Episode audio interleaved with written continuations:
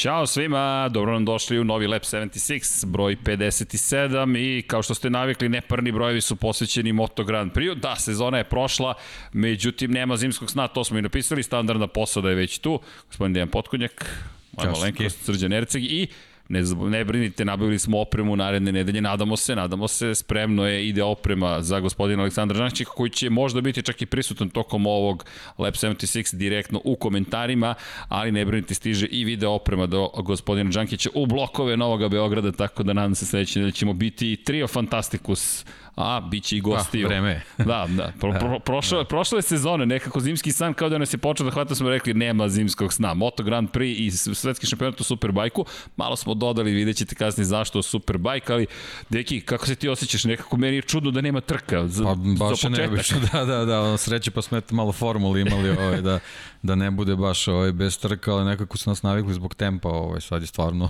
stvarno čudna situacija, nema nešto ni vesti, ono baš zimski san, zimski san. napisao. To, to, to, da. ali nema zimskog da. sna i podelit ćemo cijelu emisiju na nekoliko delova, dakle najpre ćemo pričati malo o vestima, ipak se neke stvari događaju, vozit ćemo se malo sa Johnnyem Reom, vidjet ćete nešto neverovatno, Deki ti si baš komentarisao sa Vanjom kako izgledaju kadrovi, kao da se spremaju za nešto novo, no idemo redom, prvo Moto Grand Prix, da, da, da krenemo od potpisivanja ugovora, iako smo uglavnom uglavnom se bavili ugovorima koji se tiču vozača, i toga ko će gde voziti naredne godine, pa i spekulisali o tome ko će gde biti 2022.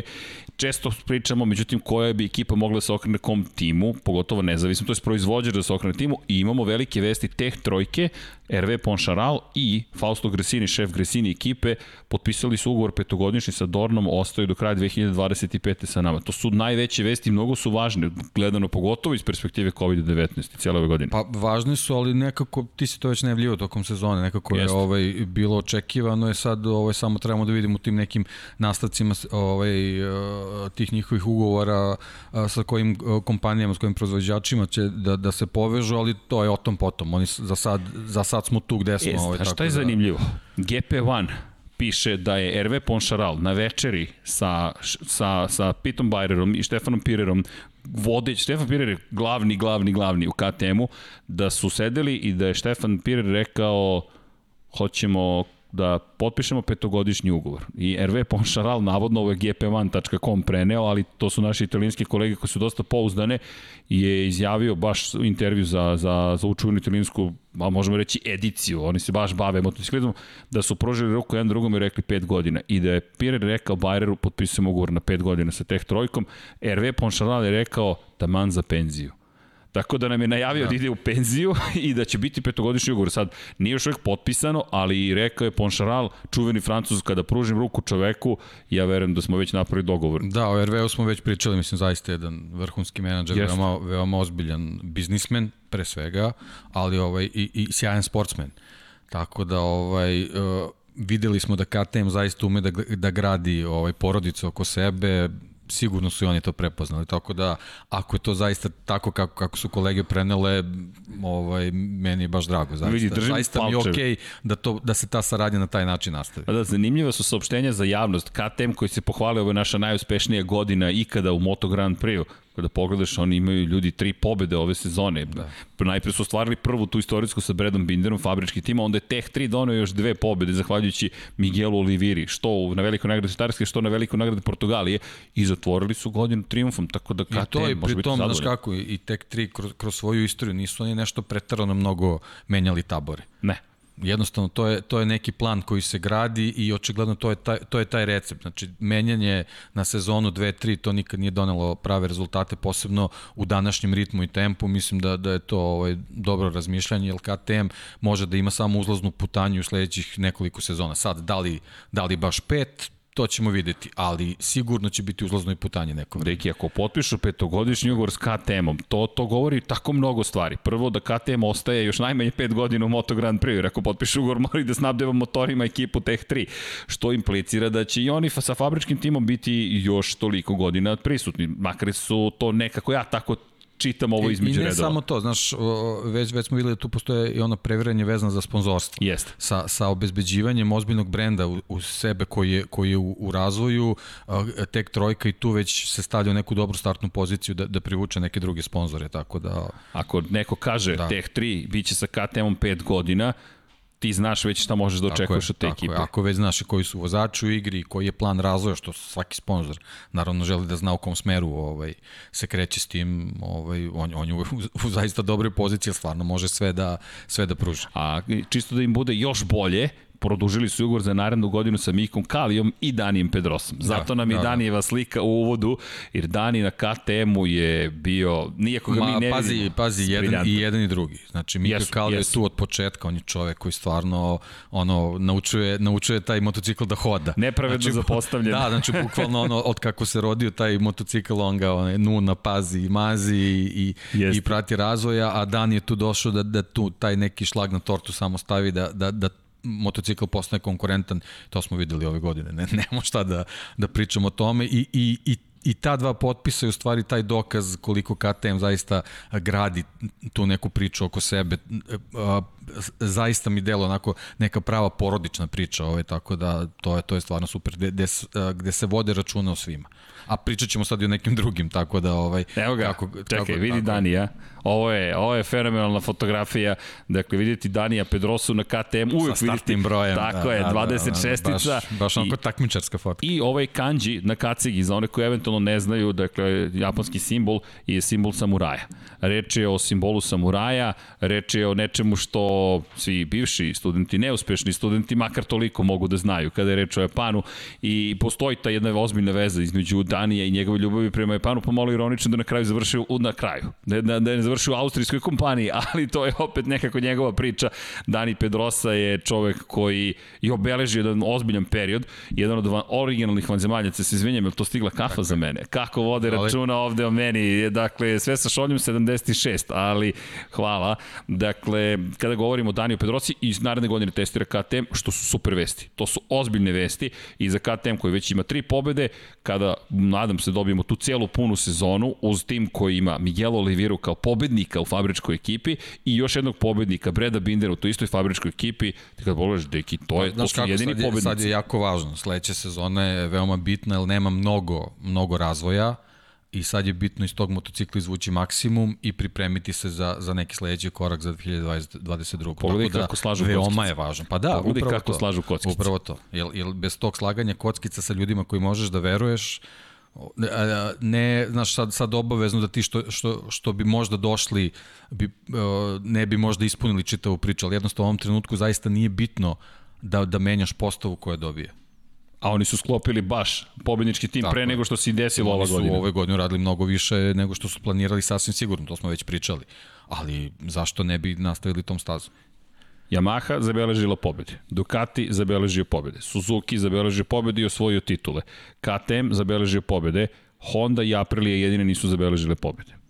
Da. Jedini čovek koji jedine možda propust, to jest jedini gubitak koji KT ima je zapravo odlazak Pola Espargara. Ali dobre vesti i dobre su vesti da, da, da znamo da će biti sa nama. Dodao bih na celu tu priču i Lukasa Tulovića i Korentina Perlo, Perlo, Perlo, oprostite, Perolarija.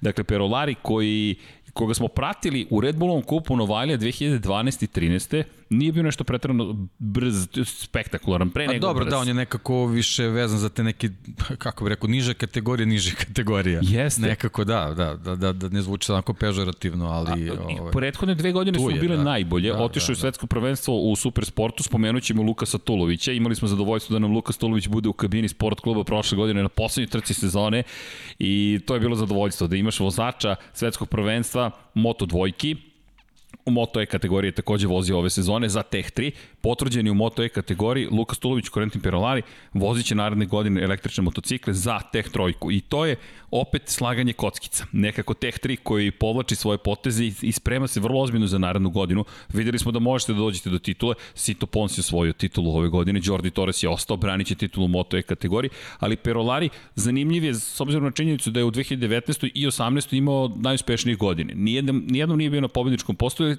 par puta četvrti i to je francuska škola zapravo koju pokušava takođe da gaje Hervé Poncharal. To, to sam baš teo da kažem, mislim, to je, to je sigurno jedna, jedna od ključnih, od ključnih veza, ovaj, eh, ali u principu mislim da je dobar potez i sa jedne i sa druge strane, pre svega za, za tek 3 ovaj, dovoditi mladog vozača, što, a sa druge strane što se tiče samih vozača, videli smo i sami, jako je teško da se, da se ovaj, izboriš za mesto u, u samom kremu, u, u tim svetskim šampionatima i Moto E koji je priključen Moto Grand Prix čitoj priči može da bude prolaz ili ulaz za neki povratak u ovaj u, u, u Moto 3 2 Moto Grand Prix priču ili u nekom slučaju ako se Moto E razvije na neki pravi način ti imaš dobru startnu poziciju jer si već tu. Tako da u, u svakom slučaju mislim ne, ne može da bude ne postoje neki da pretar... Da, neki preterani minusi ne postoje. Tako da a posebno znaš kad uđeš u priču sa tek trojkama to je znaš to je već već onako dobar, dobar plus za Men, početak. Meni je to signal nekako ovo što si rekao, da će Moto E kategorija postati zapravo uvod u sve ono što nas čeka u narednim godinama. Hector Garzo mi je savršen primjer. Garzo nije nikada dobio priliku na velikoj sceni. Upravo to. I upravo to. postave ga za vozača ekipe u Moto E kategoriji 2019. godine. U 2020. stignu Moto dvojke na kraju sezone bori se za pobjede. Pa ja, ja stalno nekako izlačim paralelu sa, sa Formulom E. A, ti si u jednom trenutku imao da ti je iz Formule 1 a, jedini escape za vozače da odu preko bare u neke američke šampionate. Jeste. Međutim, kako se for, pojavila električna formula, mnogo, mnogo vozača čak evo, evo, evo momci koje, koje sad spominjemo vezano za, za samu Formulu 1, ovaj, našli su ovaj, neko uhljebljenje u, u Formuli E gde su možda a, a, ponovo povratili neki svoj rating sa, sa nadom da će se vratiti u, u neke ključne šampionate, dok nadamo se Formula E ne, ne dobije ovaj neki svoj ovaj pravi zamah. Nažalost eto već već smo spominjali te neke te neke izlaske brendova ovaj al evo vidimo Porsche je ovaj danas saopštio. To sam hteo da ti kažem kako se igra igra? To je to pa ne potpuno je da bilo je bilo je jako čudno i pomisliti da da neko ko je izašao iz jednog uh, ciklusa da se neće pojaviti u nekom drugom. Tako da, znaš. Samo je Volkswagen rekao mi ne idemo nigde. Pa dobro. Za sad. Kao, kao brand. Kao brand, ali kao cijela grupa ima ali sve grupa grupacije. Ima sve. Dobro, oni da, i dalje da, trpe da, posledice da. skandala i naravno, naravno. osjećat će ga, ja bih rekao, cijela ove decenije. Tamo negde 2025. će početi polako da se neke stvari, neću reći zaboravljaju, ali vraćaju na svoje. Međutim, zanimljive su, sve, trendovi su veoma zanimljivi. Fascinantno je posmatrati kako se nekako svet ponovo menja. Tamo kada sam da. pomislio, ok, to je to. E je pobeda, to je pobeda. To je ono što će pobediti u cijeloj priči. O ne, ne, polako, hibridi. Da. I, i onda jednom kažeš, čekaj, sada hiperautomobili. I dobro potez na kraju, ako pogledaš Le Mans serije, da. generalno Le Mans u jednom momentu bio u ozbiljoj krizi. Svi su izašli osim Toyota. Znaš kako, preskupi su bili programi zaista zaista preskupi. Na nivou Formule 1. Ja mislim da je to I skup je verovatno, to tako je. stvarno bila savršenstvo da automobila, znaš, ti imaš nešto što na, na maksimalnom nivou funkcioniše 24 sata. To stvarno ozbiljan, ozbiljan program. Osmeh na licu te otkriva. ozbiljan program mora da bude. Čekaj, kako? Znaš. Pa ozbiljan program moramo da spremimo za onaj naš Lab 76. Tako je, tako ali, pričat ćemo o tome, ali naravno. Jeste, ovaj, ali, ali, ali to da. jeste fascinantna tehnologija i bavit ćemo se njome. Iskoristit ćemo i ovu pauzu malo o tome da popričamo. To bih baš volao da pričamo kada budemo pričali o četvorotočkašima. Ti imaš ogromno iskustvo sa četvorotočkašima, da, iskori, da te iskoristimo, da. tvoje znanje. Nisi dovoljno u studiju. Da. Vidi, Pavle nam je sinoć popustio. Pa ne, pa Bilo pravi, je pravit ćemo preko pauze ono što smo pričali, možemo napravimo lap 76, znači uopšte ne moramo da, da odvajamo auto i moto. Napravit ćemo, ljudi su tu, nek, nek pitaju, pa ćemo da napravimo Pa da, ima dosta pitanja, evo, da. Interlagos ostaje u Formuli da, 1. Da. Čekajte, Moto Grand Prix Superbike. Da. I idemo redom, da. biće Q&A, pa ćemo tu iskombinovati sve. Nego da se zadržimo na, na Tuloviću i da se zadržimo, Tulović mi deluje kao da izbor gde neko ko je iskusan sa moto je, mo, motorom, može da konkuriše za visoke pozicije mislim, ovaj, nije završena priča sa tek trojkama, on se povredio. Jeste. Nije ta sezona baš išla kako treba, koliko sam ja pratio. Mislim, moram, moram da se ogradim, nisam, nisam sve, sve trke onako ispratio do detalja, ali, ali mi, čini mi se da, da, da jedna druga strana misli da tu još ima nešto, a mislim da je, da je on odličan timski kolega za jednog mladog vozača ili se dolazi u kategoriju koju zaista moraš iz početka da upoznaješ. On je momak koga, koga smo mi zavolili s obzirom na činjenicu da je sa ovih prostora poreklom. Je njegov otac iz Bosne i Hercegovine i nekako kada god čuješ tu vezu si spreman, čekaj da saznamo ko je ovaj momak, šta tu radi, zašto.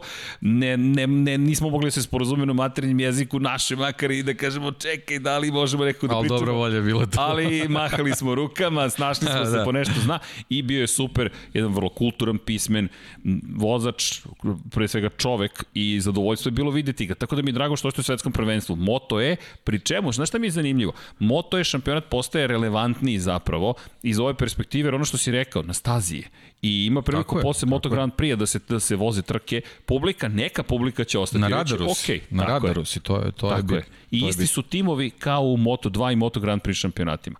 Petronas ima svoj tim, Pons ima svoj tim, Gresini ima svoj tim, Mateo Ferrari je prvi šampion Moto E klase, za Gresini je vozio. Kada već spomenjem Gresinija, nekako da, se samo, su, da, na, samo se nadovezalo.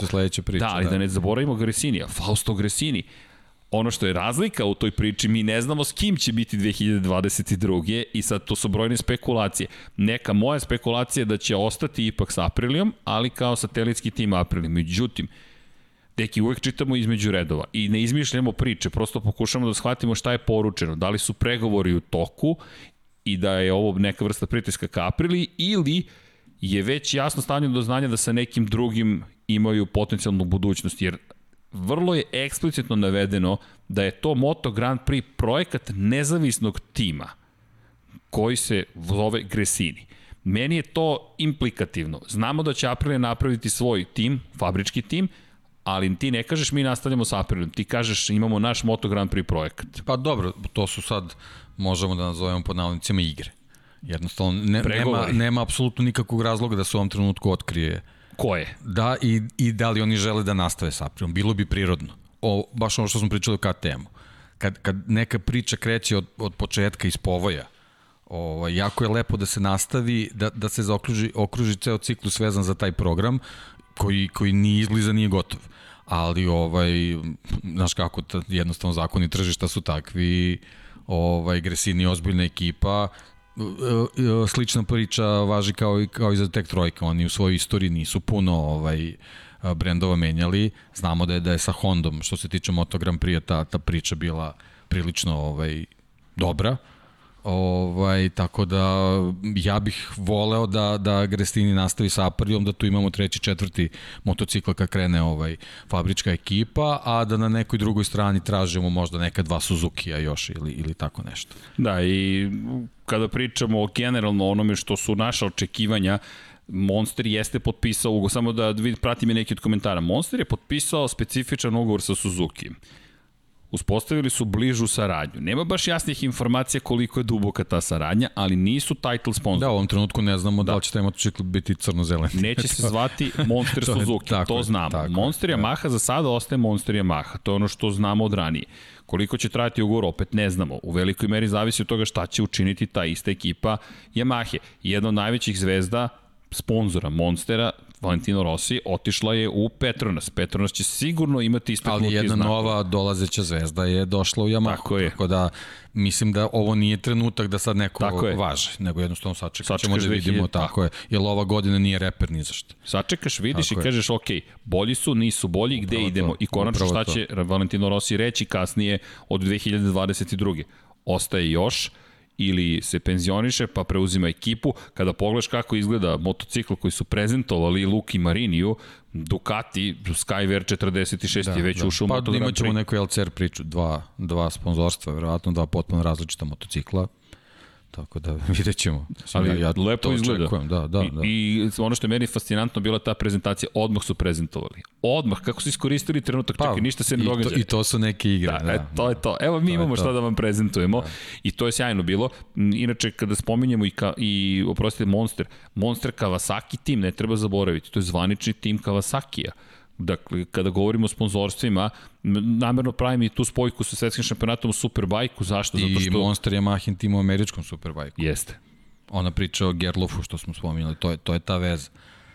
Tako, Tako da to da. su tri tima koja ozbiljne budžete iziskuju. I još sarađuju tako sa da, Suzuki. Tako je, tako Slično Red Bullu, je. koji je pokrio isto mnoga sponzorstva. Pa dobro, da, da ne pričamo o sponzorstvima vozača, to je... To je, to je odvojeno, to je sad pričamo priča. samo o timovima. Što se tiče timova, Monster je prilično zastupljen i sad. E, sad. Da, i to da objasnimo, izvini, kada pogledate šta, šta vozači uglavnom mogu da prodaju, sad zavisi koji ugovor potpišete, ali neko pravilo je bilo uglavnom da kaciga pripada vozaču, to je dobar deo kacige da pripada vozaču, sve zavisi od toga koliko ste poznati, koliko imate moć pregovaranja i šta, šta, šta, šta ste uspeli da izdejstvujete sami sebi. Kada počinjete, obično prihvatate sve. Međutim, kaciga generalno je deo vozača. Ostalo je uglavnom deo uglavnom, ekipe. Da, dok da. ne postanete dovoljno veliki. Postoje neke pozicije koje mogu da se iskoriste, ali ovaj, to je, kako bih rekao, jako sitno. da, da. da, da. Mislim, sve ima svoju cenu, ali, Naravno. ali generalno... Pa, od da. pozicije, veličine, zavisi koliko će i da košta. Tako da Monster nije napustio Yamahu, čisto da, da, da i to objasnimo. Samo se desilo da su odlučili da iskoriste to što je, evo, stigo nam je i ovo inače poklon poklona. Ognjen Božović je na, na, na hashtagu SK MotoGP dobio na poklon poster Joana Mira i rekao, ljudi, ja ovo želim da podelim sa sa, sa, sa studijom na kraju univerzuma i sa vama, tako da nam je stigao poster šampiona sveta i uramit ćemo ga tako da ćemo ti i njegov poster. Tu je naravno kačket Suzuki je uveliko, poje, pojačavamo sve, stižu nam još neki kačketi, da, čisto da sve bude na pravi način obeleženo i potrudit ćemo se, plan nam je ove godine bio kada odemo na prvu trku, pokupovat ćemo sve, sve timove i plan to se odložen. nije desilo. da, da, plan je, plan je odložen do danjeg. Još uvek ne znamo ni mi kada će nam biti dozvoljeno. Eto, da mi ne znamo kada ćemo na trku da kupimo postera, sad trebamo da pričamo o sponzorstvima do sledećeg multimilijanskim, tako da malo Vidi, je svako nezgodno. ima svoju tako, muku. Tako je. svako, svako ima svoje probleme sa kojima se suočava. A, ali problemi, čujte, koji je problem? Uživamo. mi, smo, prosto smo srećni što smo ovde i to juče smo i Paja ja malo verovatno ja malo više bio raspoložen, pa smo opet trajali 3 sata, evo Dom Pablo dobacuje. No, da se držimo teme. Superbike, šampionat sveta, ne pratimo toliko. Jednostavno, uslovno rečeno, naša konkurencija prenosi, pa onda se mi time ne bavimo toliko, ali nemojte pogrešno shvatiti, mi to ne gledamo kao konkurenciju, mi to samo gledamo kao, možda su to takmičenja tamo negde drugde. Jao, jesi video, molim te, to mi je fenomenalno. McLaren kako je ispratio Carlosa Sainz. Jeste. Jest, ono je jest. predivno. Za one koji ne znaju, potražite na Twitteru, potražite na Instagramu, bilo gde, kako pokušavaju ljudi koji nisu italijani... Nije to suzu upalo mi nešto ovako. Tako da. je. S izuzetkom Andreje Stele, da, da, da. koji pokušavaju na italijanskom da isprate Carlosa Sainca u Ferrari ali kakav fenomenalan tim, tim McLarena, gospodski, kulturan tim i Ferrari kod govorio ne brinite, inače rekli su čuvali smo ovaj poklon za vas dve godine, sad vi vodite računa Pritisak o Carlosu Sainzu. da, da, pritisak je krenuo. Ali Carlos Sainz koji je prokomentarisao na Instagramu rekao, no, nevjerovatno je koliko jedna mala stvar može da te dotakne i učiniti da se osjećaš toliko posebnim i voljenim.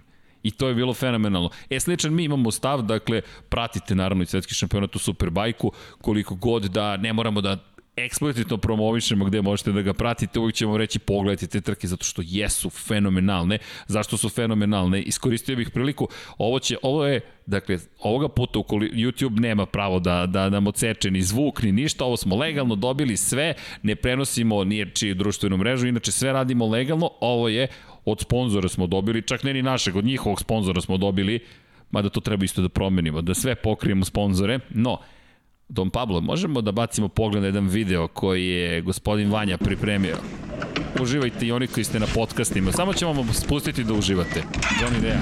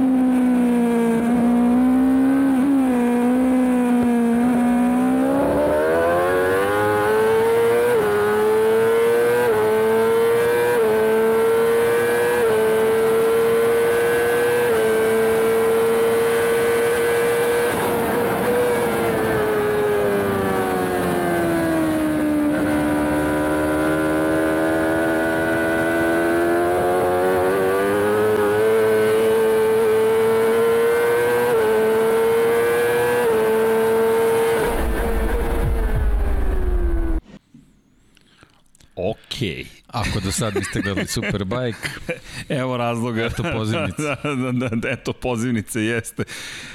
Uh. Kao što je Alvaro Bautista rekao. Oni motocikl pripremaju kao da je Moto Grand Prix. Jeste. To, da. to sa R jedinicom ja vidim da se spominje neka R jedinica. Pozdrav za sve koji voze. Dakle, uživajte. Jeste da vreme sad ne dozvoljava baš vožnju. Međutim, ovo je da kažeš sebi, ok, i ono što, evo, komentar zanimljiv hologram. Tvoj komentar je bio kada smo gledali prvi put ovaj kadar, kao da se televizijska produkcija priprema za 2021. Da, ja bih, ja bih volao da nekad ovih kadrova vidim u prenosu, zaista. zaista.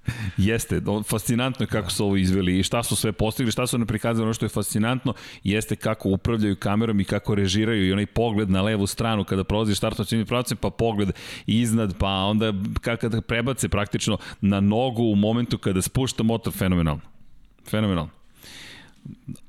Dakle, a, ko ovo nije pravi snimak, ovako blizu snima. E, Poenta jeste upravo u tome i, mi, i nas zanima šta su radili pravi snimak jeste i to je sa testiranja koje su obavili u Superbajku. Poenta jeste da upravo pokušamo da shvatimo kako su izveli ove kadrove i ne znamo da li je dron. I mi smo se pitali, dron nam deluje suviše nekako blizu. Nema ni onog čuvenog štapa koji je visio Miki Kaliju kada su Kimi Ring snimali i kada uzmeš i okreneš 360 stepeni, pogledaš i kažeš, ok, sad razumem kako su to izveli. Mi to ne vidimo i pokušavamo da shvatimo zapravo i svi zajedno kako su ovo izveli. Ali Poznamo neke smo... eksperte vezane za snimane, pa raspitaćemo. Imamo neki ljudi koji su i u da, kompaniji da, da, koje da, da, da. su proizvodi korišćeni upravo da, da. za ovo. Tako da, da, šaljemo i mi, mi smo danas dobili snimak, šaljemo i, i istražit ćemo zapravo detaljno.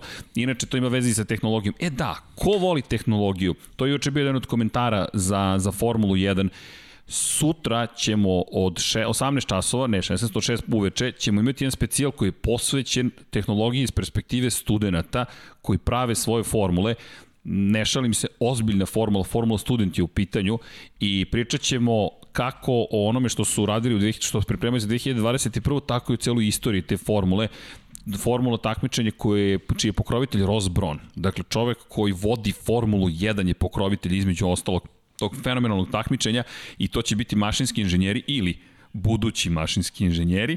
Neki od nas su dali jedan ispit na mašincu i to je bilo to, tako da ne mogu da ih zovem kolegama, ali u nekom drugom vremenu i prostoru možda. Doći će, dakle, momci koji se time bave, tim je fenomenalan, prave sve to na mašinskom fakultetu ovde u Beogradu i imaju veliku podršku i fakulteta iz Rijeke i sa Zagrebom sarađuju. Ne znam sa kime sve još sarađuju, znam samo da je nešto što smo hteli da takođe izvedemo i u skladu sa onim što pričamo u Lab 76 Infinity Lighthouse, hajde da pokažemo neku buduću generaciju, da se ne bavimo samo onima koji su stigli do vrha, već da im pružimo podršku i da kažemo evo novih inženjera. Neki možda Adrian Newey sedi tu negde u našem regionu, zašto zvezda da bude samo na motoru? Hajmo da nađemo zvezdu koja pravi taj motor, Tako da će to biti naš pokušaj mali, doprinos, nadam se, cijeloj priči, pa budite uz nas, ja vas pozivam da i njima postavite pitanja. Ono što ćemo takođe uraditi sa cijelom tom ekipom i još, nekih, još nekim ljudima jeste da ćemo doći do toga, nadam se, da napravimo i rečnik i posebnu analizu svake trke Formule 1 u budućnosti.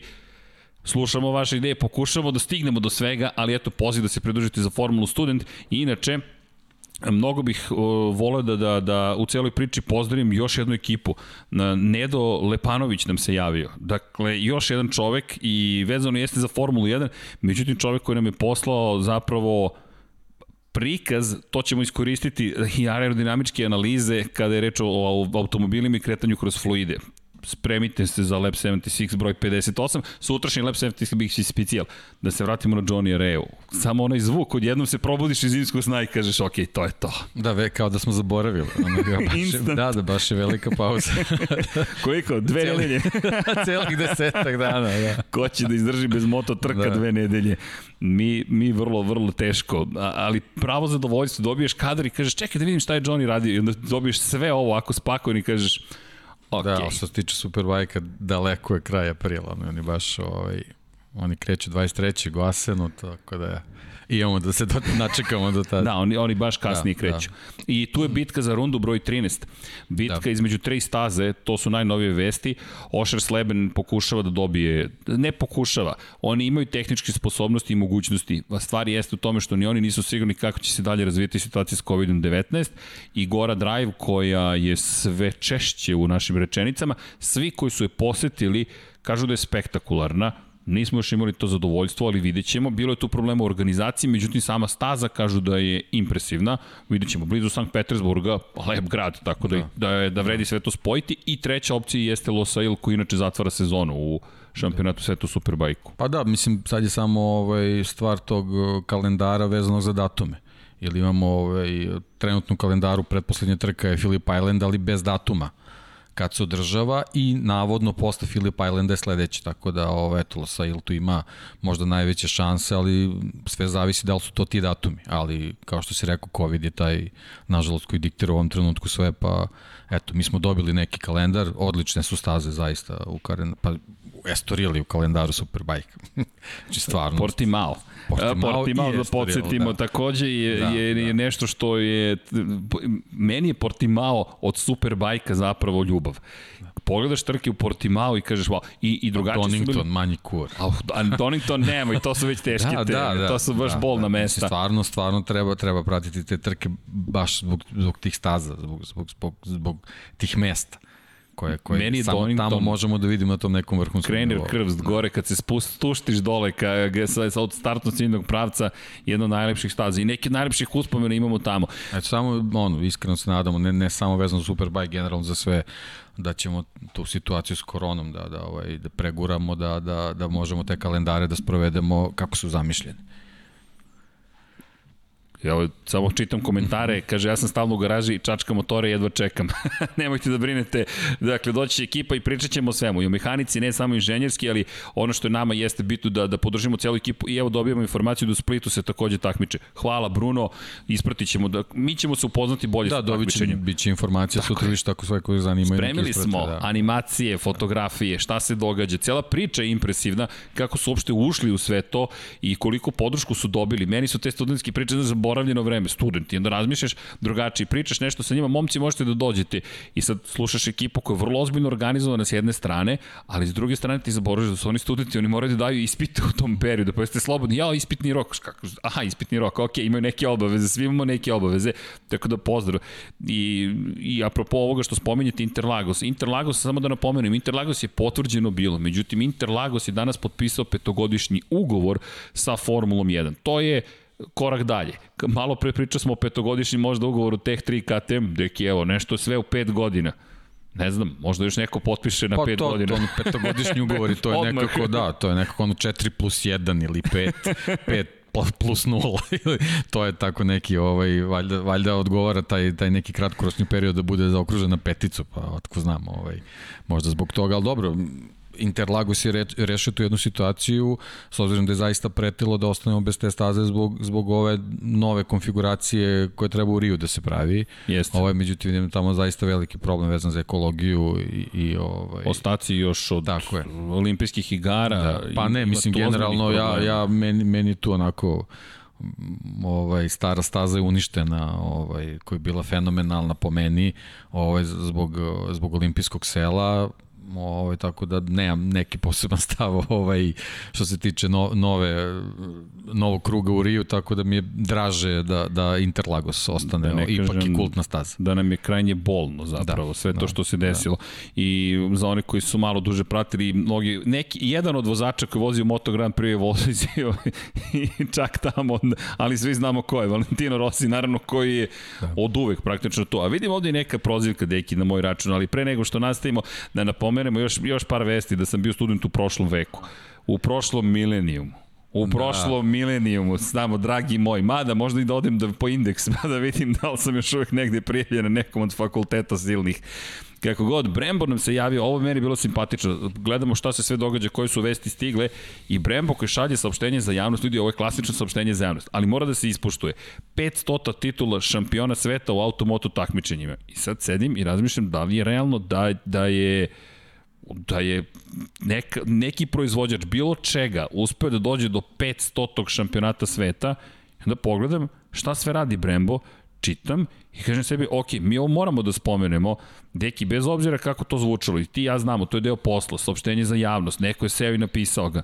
Međutim, oni su ljudi uspeli 42 titulu različitim takmičenjima samo u 2020. do osvoje, pri čemu govorimo i o pobedama u Moto Grand Prix, u Moto dvojkama, u Moto trojkama, to je ono što nas zanima, u svetskom šampionatu u Superbajku kada govorimo o šampionatima konstruktora takođe, u Formuli E, u električnim motociklima, u Moto E šampionatu takođe, ti pogledaš i kažeš Brembo je praktično svugde. Spisak ide NASCAR, GT, VRC, VTCR, IndyCar, Enduro, MX dvojke, IMSA, DTM, Formula 2, Formula 3, svugde je Brembo. Prosto mislim da treba to ispoštovati iz te perspektive priče o tome šta ljudi rade. Pa da, neko može kaže konkurencija nije velika, lako je njima, ali napraviti toliko komponenti za, za toliko različitih šampionata, za toliko različitih vozila, za toliko različitih e, ekipa, inženjera, njihovih zahteva, mislim, to je stvarno fascinantno. Meni, meni je bilo fenomenalno. Poslali su nam i... Samo treba zamisliti koliki tim u Brembu samo stoji iza toga.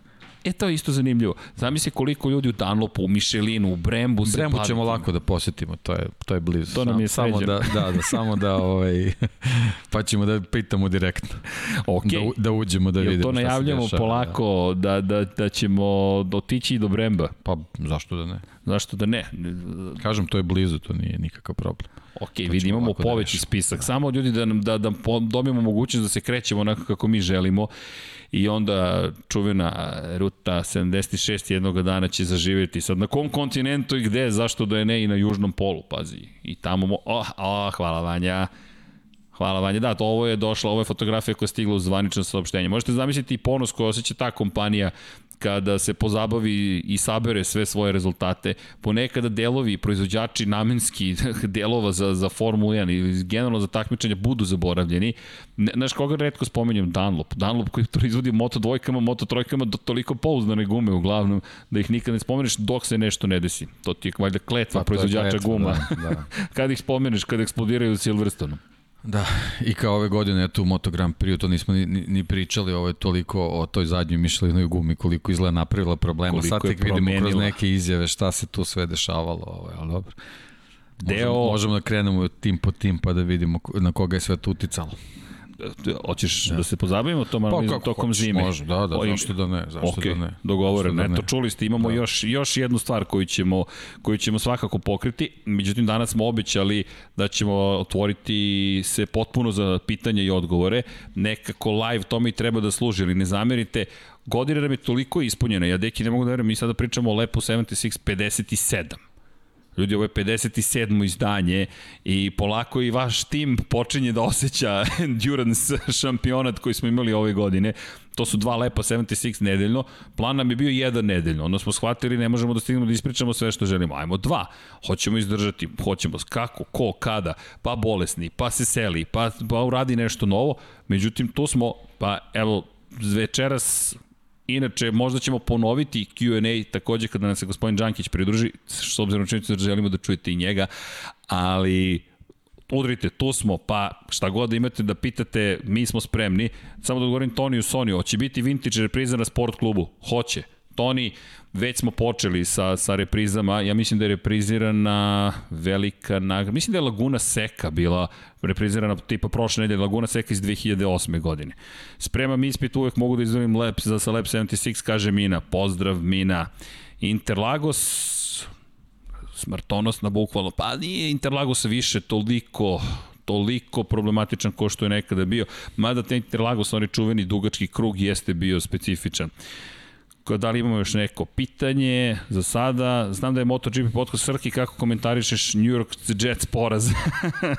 Ognjene, 99 yardi spremamo za subetu, ali nema više nikakav komentar za Jetse, ali dobro.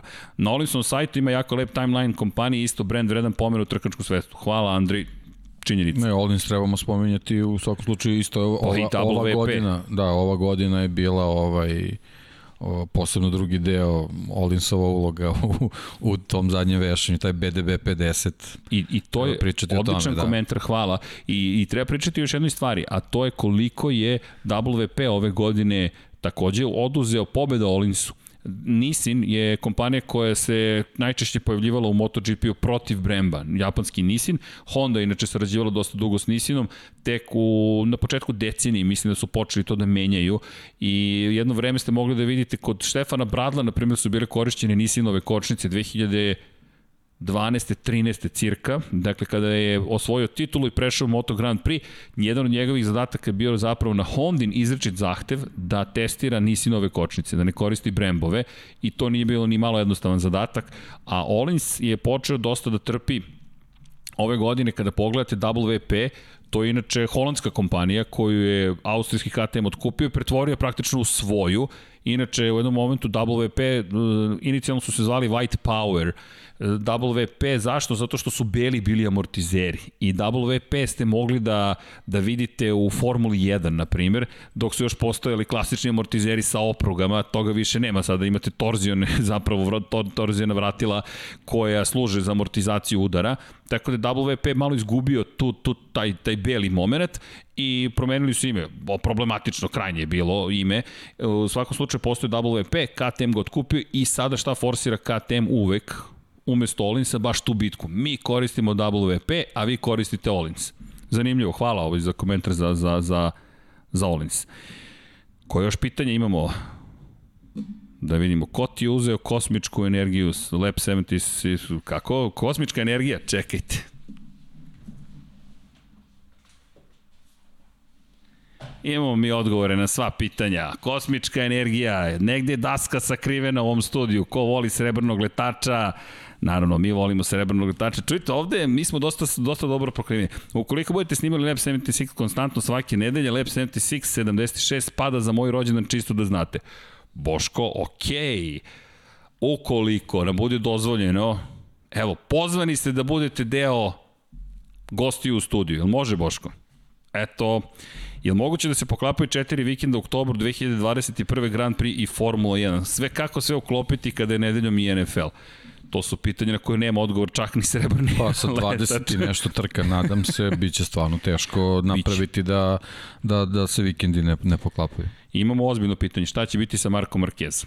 Da nemoguće misije. Ljudi, i videli smo onaj kadar kada dolazi kući i kada psi skaču po njemu. Da, ozbiljno imobilisana ruka. Potpuno imobilisana ruka, smeštena je u titanijum i ono što si ti lepo rekao, smeštena je u materijal od kog je napravljen Orel sistem koji je spasao život u Romanu Gružanu pri udaru od preko 200 km na čas u čeličnu ogradu. To trenutno nosi Mark Marquez u sklopu zaštite svoje ruke. I svi samo možemo da čekamo. Prognoze su 6 meseci, ako kažemo da je to vrhunski sportista kao jeste, da, jeste da smanjimo na 4, da kažemo to je Mark Marquez, on je vrhunski sportista među vrhunskim sportistima, pa da se smanji nekim čudom na 3 meseca i dalje je to bilo kakav početak ozbiljnije korišćenja ruke mart. Sezona počinje 21. marta to jest Formula 1 počinje 21. marta, Moto Grand Prix naredne nedelje. Dakle, mi krajem marta započinjemo godinu. Prvi testovi su već u februaru, a Alberto Puć, da, to je vest koju, smo, koju nismo svrstali u vesti, je izjavio da Honda bez Marka Markeza ne zna koji će biti razvojni put.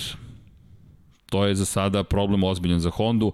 Alex Marquez ima jednu godinu iza sebe, Takaki Nakagami nikada nije razvio najnoviji motocikl i pridošlica stiže iz redova KTM-a. Upravo sa WP-a i čeličnog rama prelazi na aluminijum i Olins Pole Spargaro u periodu kada je ograničeno kretanje i mnogo manje možete da uradite nego što biste ranije mogli. Da. To je ozbiljan problem. Ne, nažalost, ne, ne znamo više od toga. Svi zajedno čekamo. Pa da, ono, videli smo, znači on je krenuo sa terapijom, antibioticima, znači sad je najvažnije da, da sve oko te rane lepo zaraste, da, da, da, da, to, da se to tkivo polako počne da se obnavlja, pa ćemo videti ovo, eto, kao što si ti rekao, on je ono, uh, ipak uh, neka vrsta super čoveka, ako se već bavi sa tim motogram prijem, pa se eto nadamo da će taj oporavak malo da se ubrza i da negde već tamo možda sredinom februara, možda krajem februara dobijemo još neke, neke dobre vesti, ali kao što, sam, kao što sam rekao prošli put, ja se samo nadam da je sve posle te operacije krenulo uzlaznom putanjom, pa ćemo vidjeti eto kako teče taj oporavak. Da, inače, da, da odgovorim na pitanje, to je konstataciju kada je reč o, o Interlagosu. Dimitrije, pozdrav. Kada govorimo o bezbednosti Interlagosa, pričamo, o Formuli 1 smo pričali. Interlagos ne, ne spominjamo iz perspektive motora i to jeste zastrašujuće koristiti za, za moto trke Interlagos je pogrešno. To je jedno od pitanja koje smo imali iz perspektive Spa, Frankošam i Belgije ja se plašim da odemo u modernom svetu motociklizma nekako u Belgiju. Meni je to problematično. Koliko god bi to zvučalo spektakularno i rekli, e super, idemo, pa kroz oruž, pa da se spustimo u prvu krivinu. To, to mislim da motorima nije mesto na, na, na, na, na spa, kao što Ma, Interlagosu kako, sve, sve je lepo dok, dok sve super funkcioniše. Pr, prva neka nezgodna situacija, eto, kao, kao ovaj što je Interlagosu bilo, mislim, videli smo ovaj, kakvi problemi se mogu budu. Inače, Red Bull, jedna isto od vesti, nevezano za ovo, čisto da napomenemo, otvorio poseban novi trenažni centar za, za trke simulacija. Izgleda spektakularno, možete zamisliti kada neko igrice pretvori u simulacije i simulacije u, u profesionalni sport i onda dođe kompanija poput Red Bulla i kaže sad vam pravimo trenažni centar. Kao jedna velika igračka, mega igračka i nadam se da će lepo da, i da će uživati. I vidim da se spominje Sony 5. Radimo na tome da nam stigne Sony 5. Ipak treba testirati. Dom Pablo ovde negoduje u pozadini. Vanja pokazuje ovako, tako je Vanja, ti ćeš biti tester. Jedino što ćeš morati sve da radiš live na zvaničnom Twitch kanalu Infinity Lighthouse. Jel može? Egzibicionista u duši, Vanja će biti zadužen za to. Deki, igraš Sony? Pa neku četvorku imam nešto. čekaj, ovaj, čekaj, sad da, da, da, to za peticu. Da. Pa ono, da, Gran Turismo, to mi je ono kao Okay. Onako nonšalantno, da, Gran da, da. Turismo. Pa dobro, nisam. Čekaj, koji ti je nik da vidimo da li si šampion da, u nekoj regionalnoj ligi. Čim mi kažeš, čim mi kažeš, pa nije, nije Pa nešto smo se zapratili, beš. Jesmo, jesmo, jesmo, da, jesmo. Da, da, Vidi, Dobro, oni nisam video sad, pa. od, od, od prve trke da, da. Formule 1 otprilike, ali dobro. Da, eto, pitanje da šta vi igrate? Da, za Markeza se zna da je kod kuće nastaje terapija antibioticima, za sada toliko. Tako, nemamo više informacija. Mina, pozdrav velika navijačica Marka Markeza. Da li je Vinjales napravio grešku napustivši Suzuki i da li Rossi može do pobede u sledećoj sezoni? Pa sad, da li je napravio grešku, to je stvarno teško pričati. To smo, to smo već nekoliko puta absolvirali. Kad, kad te pozovu Honda i Yamaha, mislim, ti pozivi se stvarno teško, teško odbijaju Ali ova, ova, ova godina je generalno bila specifična, ovaj, tako da je jako teško ovaj, govoriti o, o nekakvoj grešci, ali kad vidimo rezultate koje Suzuki napravio, da, naravno, mislim, on je mogo da bude taj koji će se boriti za titul i mogo je da učestvuje u, u, u, u, ovaj, u daljem razvoju tog motocikla, ali opet s druge strane, znaš kako, ova sezona a, jednostavno spominjali smo i gume i, i ogibljenje, jednostavno ekipe nisu imale dovoljno a, prostora i prilike za ovaj, za, za testiranja. Yamaha imala dodatni problem sa tim ventilima upravo zbog, zbog stvari vezane za, za mali broj a, testnih dana, tako da Vidjet ćemo sledeća sezona kako će da bude. Da, inače evo da ispromovišemo mi ne, je nekoga, čitajte blogove Minine. Mina je počela da piše blogove o automotosportu, tako da imaš podršku Mina standardno iz studija na kraju univerzuma. Naše mišljenje o povratku Porschea na Le Mans. Uf, pa Porsche Le Mans. Potpuno to, sve je rečeno, potpuno Porsche jednako Le Mans, Ferrari jednako Formula 1, mislim, to je, to je to. Znaš šta moramo to Honda jednako Moto Grand Prix. Moramo da napravimo specijal. Ja, Vanja, molim te, piši ovo negde kad mi izgovorimo i onda to ode u eter, molim te, specijal o Porscheu na Le Mansu. Mislim da Porsche to zaslužuje. Ono što su oni radili, šta su oni pravili, to je za pamćenje. Modeli u kojima je u ramu zapravo plemeniti gas, kako bi mogli, to, to, to je nestvarno, oni su ulja zapravo stavljali u sam ram. Ram je šupalj bio da bi bio što lakši i onda su ulje gurali u sam ram u jednoj od verzija i to su, ljudi su se kuvali unutra, vozači pošto je ulje unutra, gorivo su gurali praktično da bi bio rezervoar u sam ram. Nestvarnu tehnologiju su primenjivali, čak su imali situacije da, da, da zapravo su lošu aerodinamiku, da, da dizajn im je bio toliko loš da aero, zadnje krilo ničemu nije služilo u prvim verzijama. I ona čuvena Valtera Rorla, iako to nema veze sa ovim, izjava za, za Audi Quattro i generalno B, B, B grupu, da sam hteo da letim, bio bih pilot. pa to su bile avangarde. To, to bukvalno avangarda. Hajde, hajde da probamo nešto, sanjao sam noćas nešto, hajde da to stavim pa da vidim kako funkcioniše. Da, da to, to, su, to su bila ta neka druga vremena, sad, mislim, jednostavno za, za crtačim stolom i za kompjuterom se sve završi i bude bez greške. Ono je bilo drugo vreme. Ono je bilo vreme the right stuff. da, Probnih da, pilota. To, to, to, to, to, to. Da, da, da, imaju pitanje kada će sledeće lansiranje. Uskoro, polako sad i mi ulazimo u bolju organizaciju. Dom Pablo opet odmahuje glavom ko će da radi to lansiranje. Gledam vas. Dok ne automatizujemo sve. A ko je bio tu za lansiranje? Tu sam ja i za sledeće. Jesi, jesi, jesi? Pa, A, tim se priprema. Nisam se dobro spremio, sad moram, dugujem, dugujem bolje informacije. Nisi se dobro spremio, da, da. primetio si sve što su primetili primetili i ljudi koji se time bave da, da. godinama. Da, dobro, dobro. Ugasio se motor. Mislim da je ovo... Korak po korak. korak po dvokorak, da, ali Porsche i Le Mans, mi smo fascinirani i oduševljeni idejom da se vraćaju proizvođači I jedva čekamo tu godinu, jedva čekamo da vidimo kako će to sve izgledati. Znaš kako, Le Mans je stvarno služio za, za, za ovaj promociju već ono, ono kao ušlo u neku, neku modernu kulturu pa se već zna, znaš, i Ferrari, i Ford, i Porsche, i Mazda sa svojim ovaj, rotacijonim motorom, mislim... Čekaj, to nismo ni spomenuli. Da, to, je, to je moj omiljeni automobil, 87B, to je... Osmih na licu da, dovoljno pa, govori. Pa generalno ta tehnologija koliko je da, da. neiskorišćena, da. a pogotovo sada uz razvoj mašinskih materijala i... Mislim, da, da pređemo da pričamo, znači TDI, Audijevi i, i ovaj, sada ove hibridne tehnologije sa, sa, sa Toyotom pre svega i Audijem naravno to je jednostavno... Vidi, reli je i danas, da, izvini, da. neverovatan, ali kada vratiš se te 80. ljudi koji ovako štrče i gledaju kad će da najđe Audi onda beže, a Roll ne pušta gas, ne, ne pun gas i ono što je meni fenomenalno kad gledaš kadrove iz tih godina i to sad pričamo o tome da se levom nogom koči u Formuli 1 već 20 i kusur godine, da je to normalno, međutim to je 80 i neka, on ima kvačilo čovek, ali ne, ne, ne, sad sam u ovoj brzini on gazi kočnicu, gaz, pa kočnicu, ne, fascinacija gaz, pa onda... te, te B grupe jednostavno, ovo, sad smo otišli mnogo daleko od Moto Grand Prix, ali, ali čovjek pitanja fascinacija jednostavno bilo što stvarno u tom, tom trenutku kad se to pojavilo, to je bilo nešto stvarno ekstremno svemirsko, znači veliki su problem bili ti materijali zbog čega su ti automobili jako opasni bili, ali generalno ovaj, poslednjih nekoliko sezona sa, sa, sa, sa ovom generacijom automobila koji imamo zaista imamo performanse kako smo imali grupi B. Ovo, je, tako da sad zaista treba pratiti VRC, ali eto imamo i u Komšiluku sledeće godine trku Mislim, to je, da, to je spektakl. U Hrvatskoj će to biti trka, to obavezno Sve ovo što idite. se priča, ni, ništa priča ne, ne važi dok se uživo to ne vidi i neče.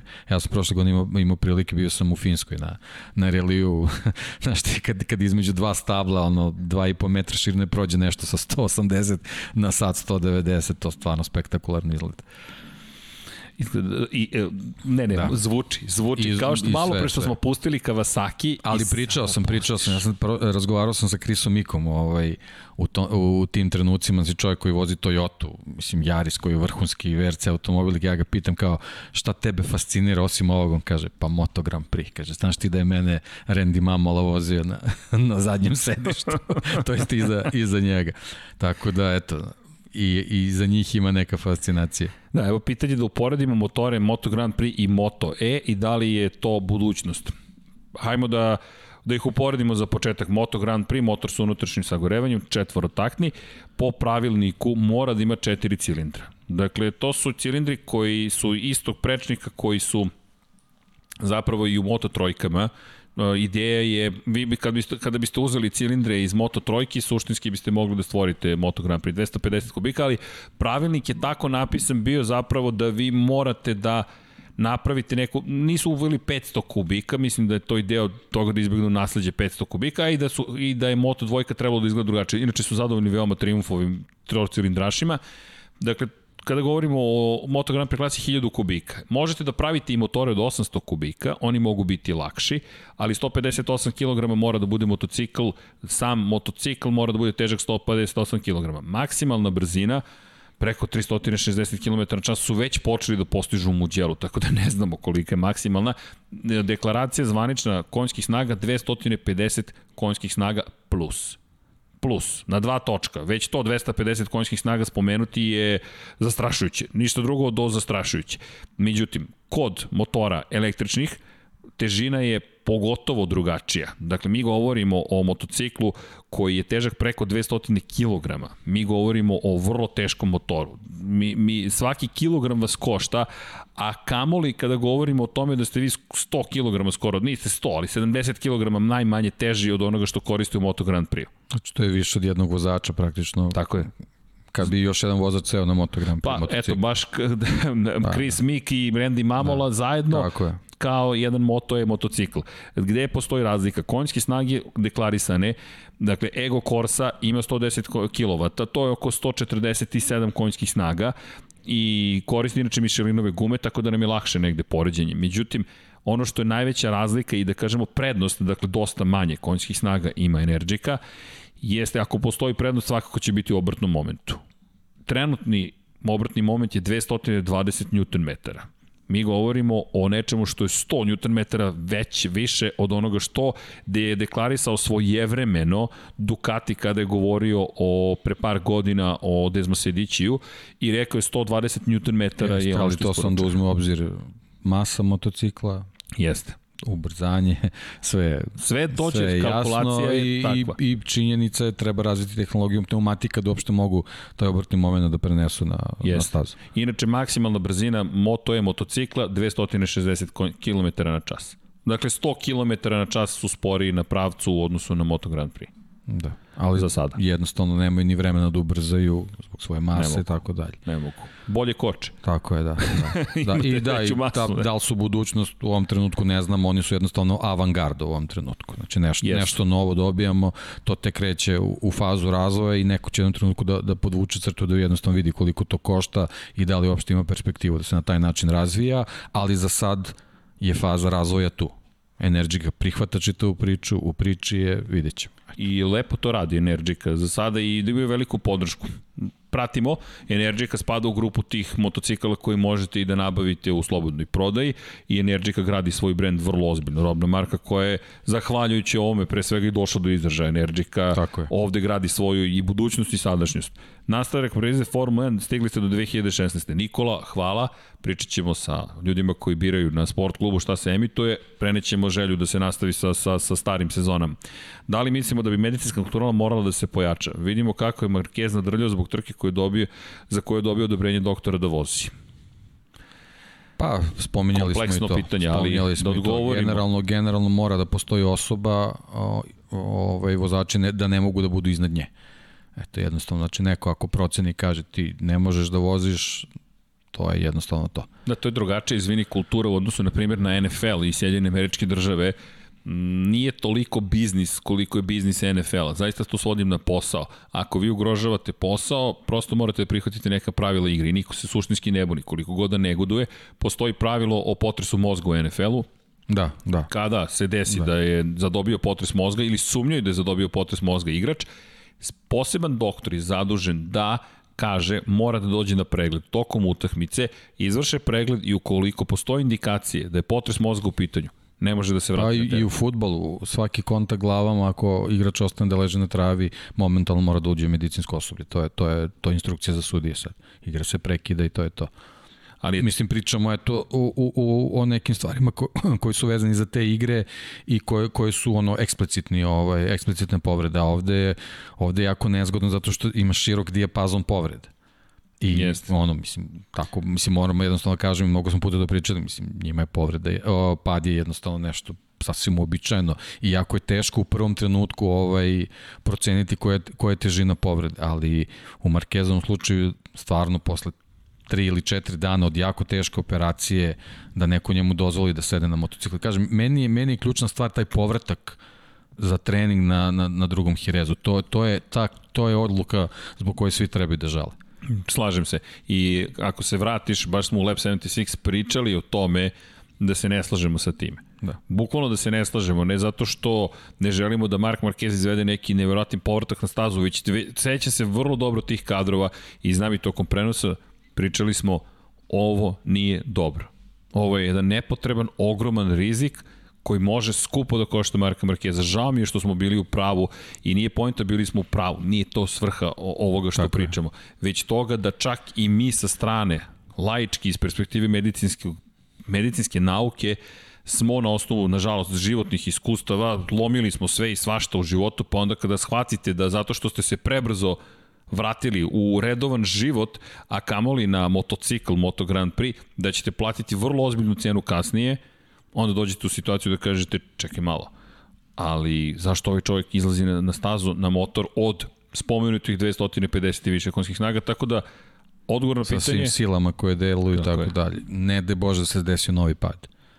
Znači, ogroman je rizik bio bez, bez ne, stvarno ne vidim. Koliko ne, i on da. isto bio svestan da siđe da. s motora i kaže suviše opasno da. i za mene i da. za druge da ja nastavim da vozim. Da. Nije pitanje izdržljivosti, proći će kroz tu barijeru bola, ali se sklonio. Tako da da, trebalo bi da se pojača kontrola. Problem leži u tome što će se vozači prvi pobuniti. I tu sada treba naći kompromis šta bi se desilo da mi nismo bili u pravu i da je Marquez došao, pobedio svoju titulu i rekao ok, i šta sad? I onda bismo rekli, eto, vidite da je trebalo da mu dozvole. Ovo je, nažalost, pogrešan primer, ali primer koji svaki put kada se ovako nešto desi mora biti iskorišćen i mora da se kaže čekaj, stani.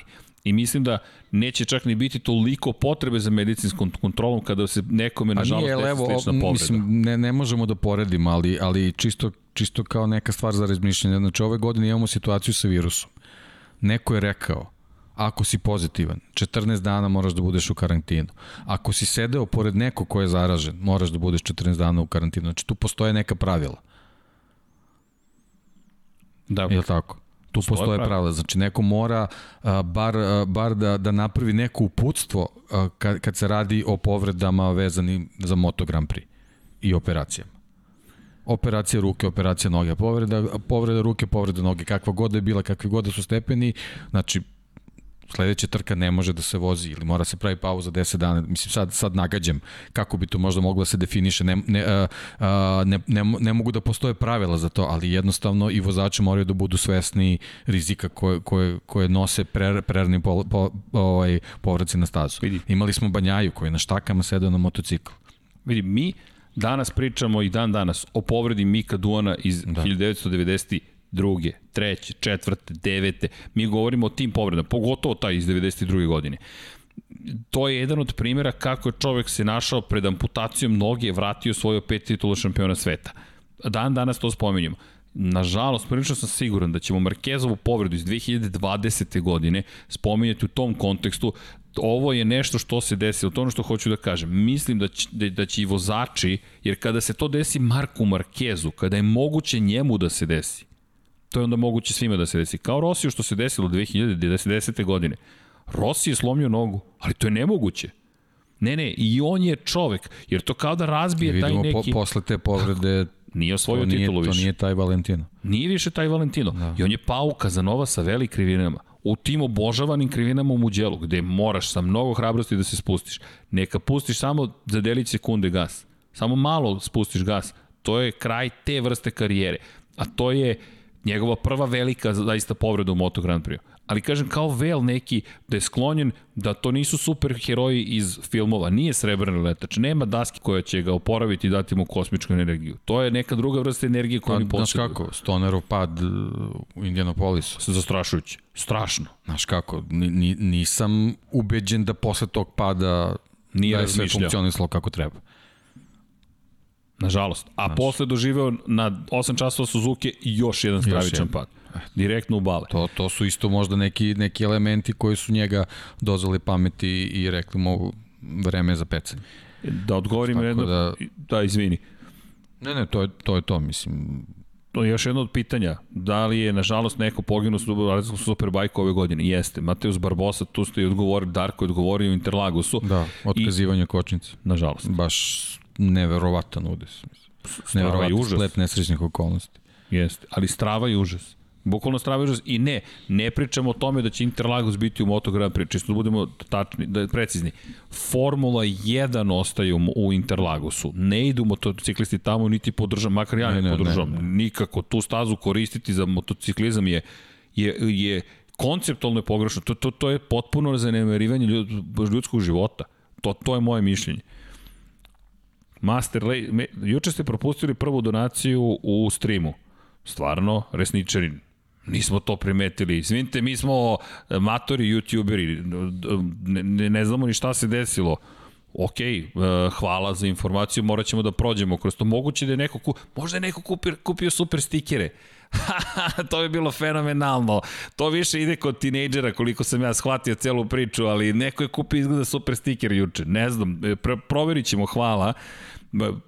Evo sad dodatna pitanja, puno toga. Ko će menjati Marka Markeza? Hm.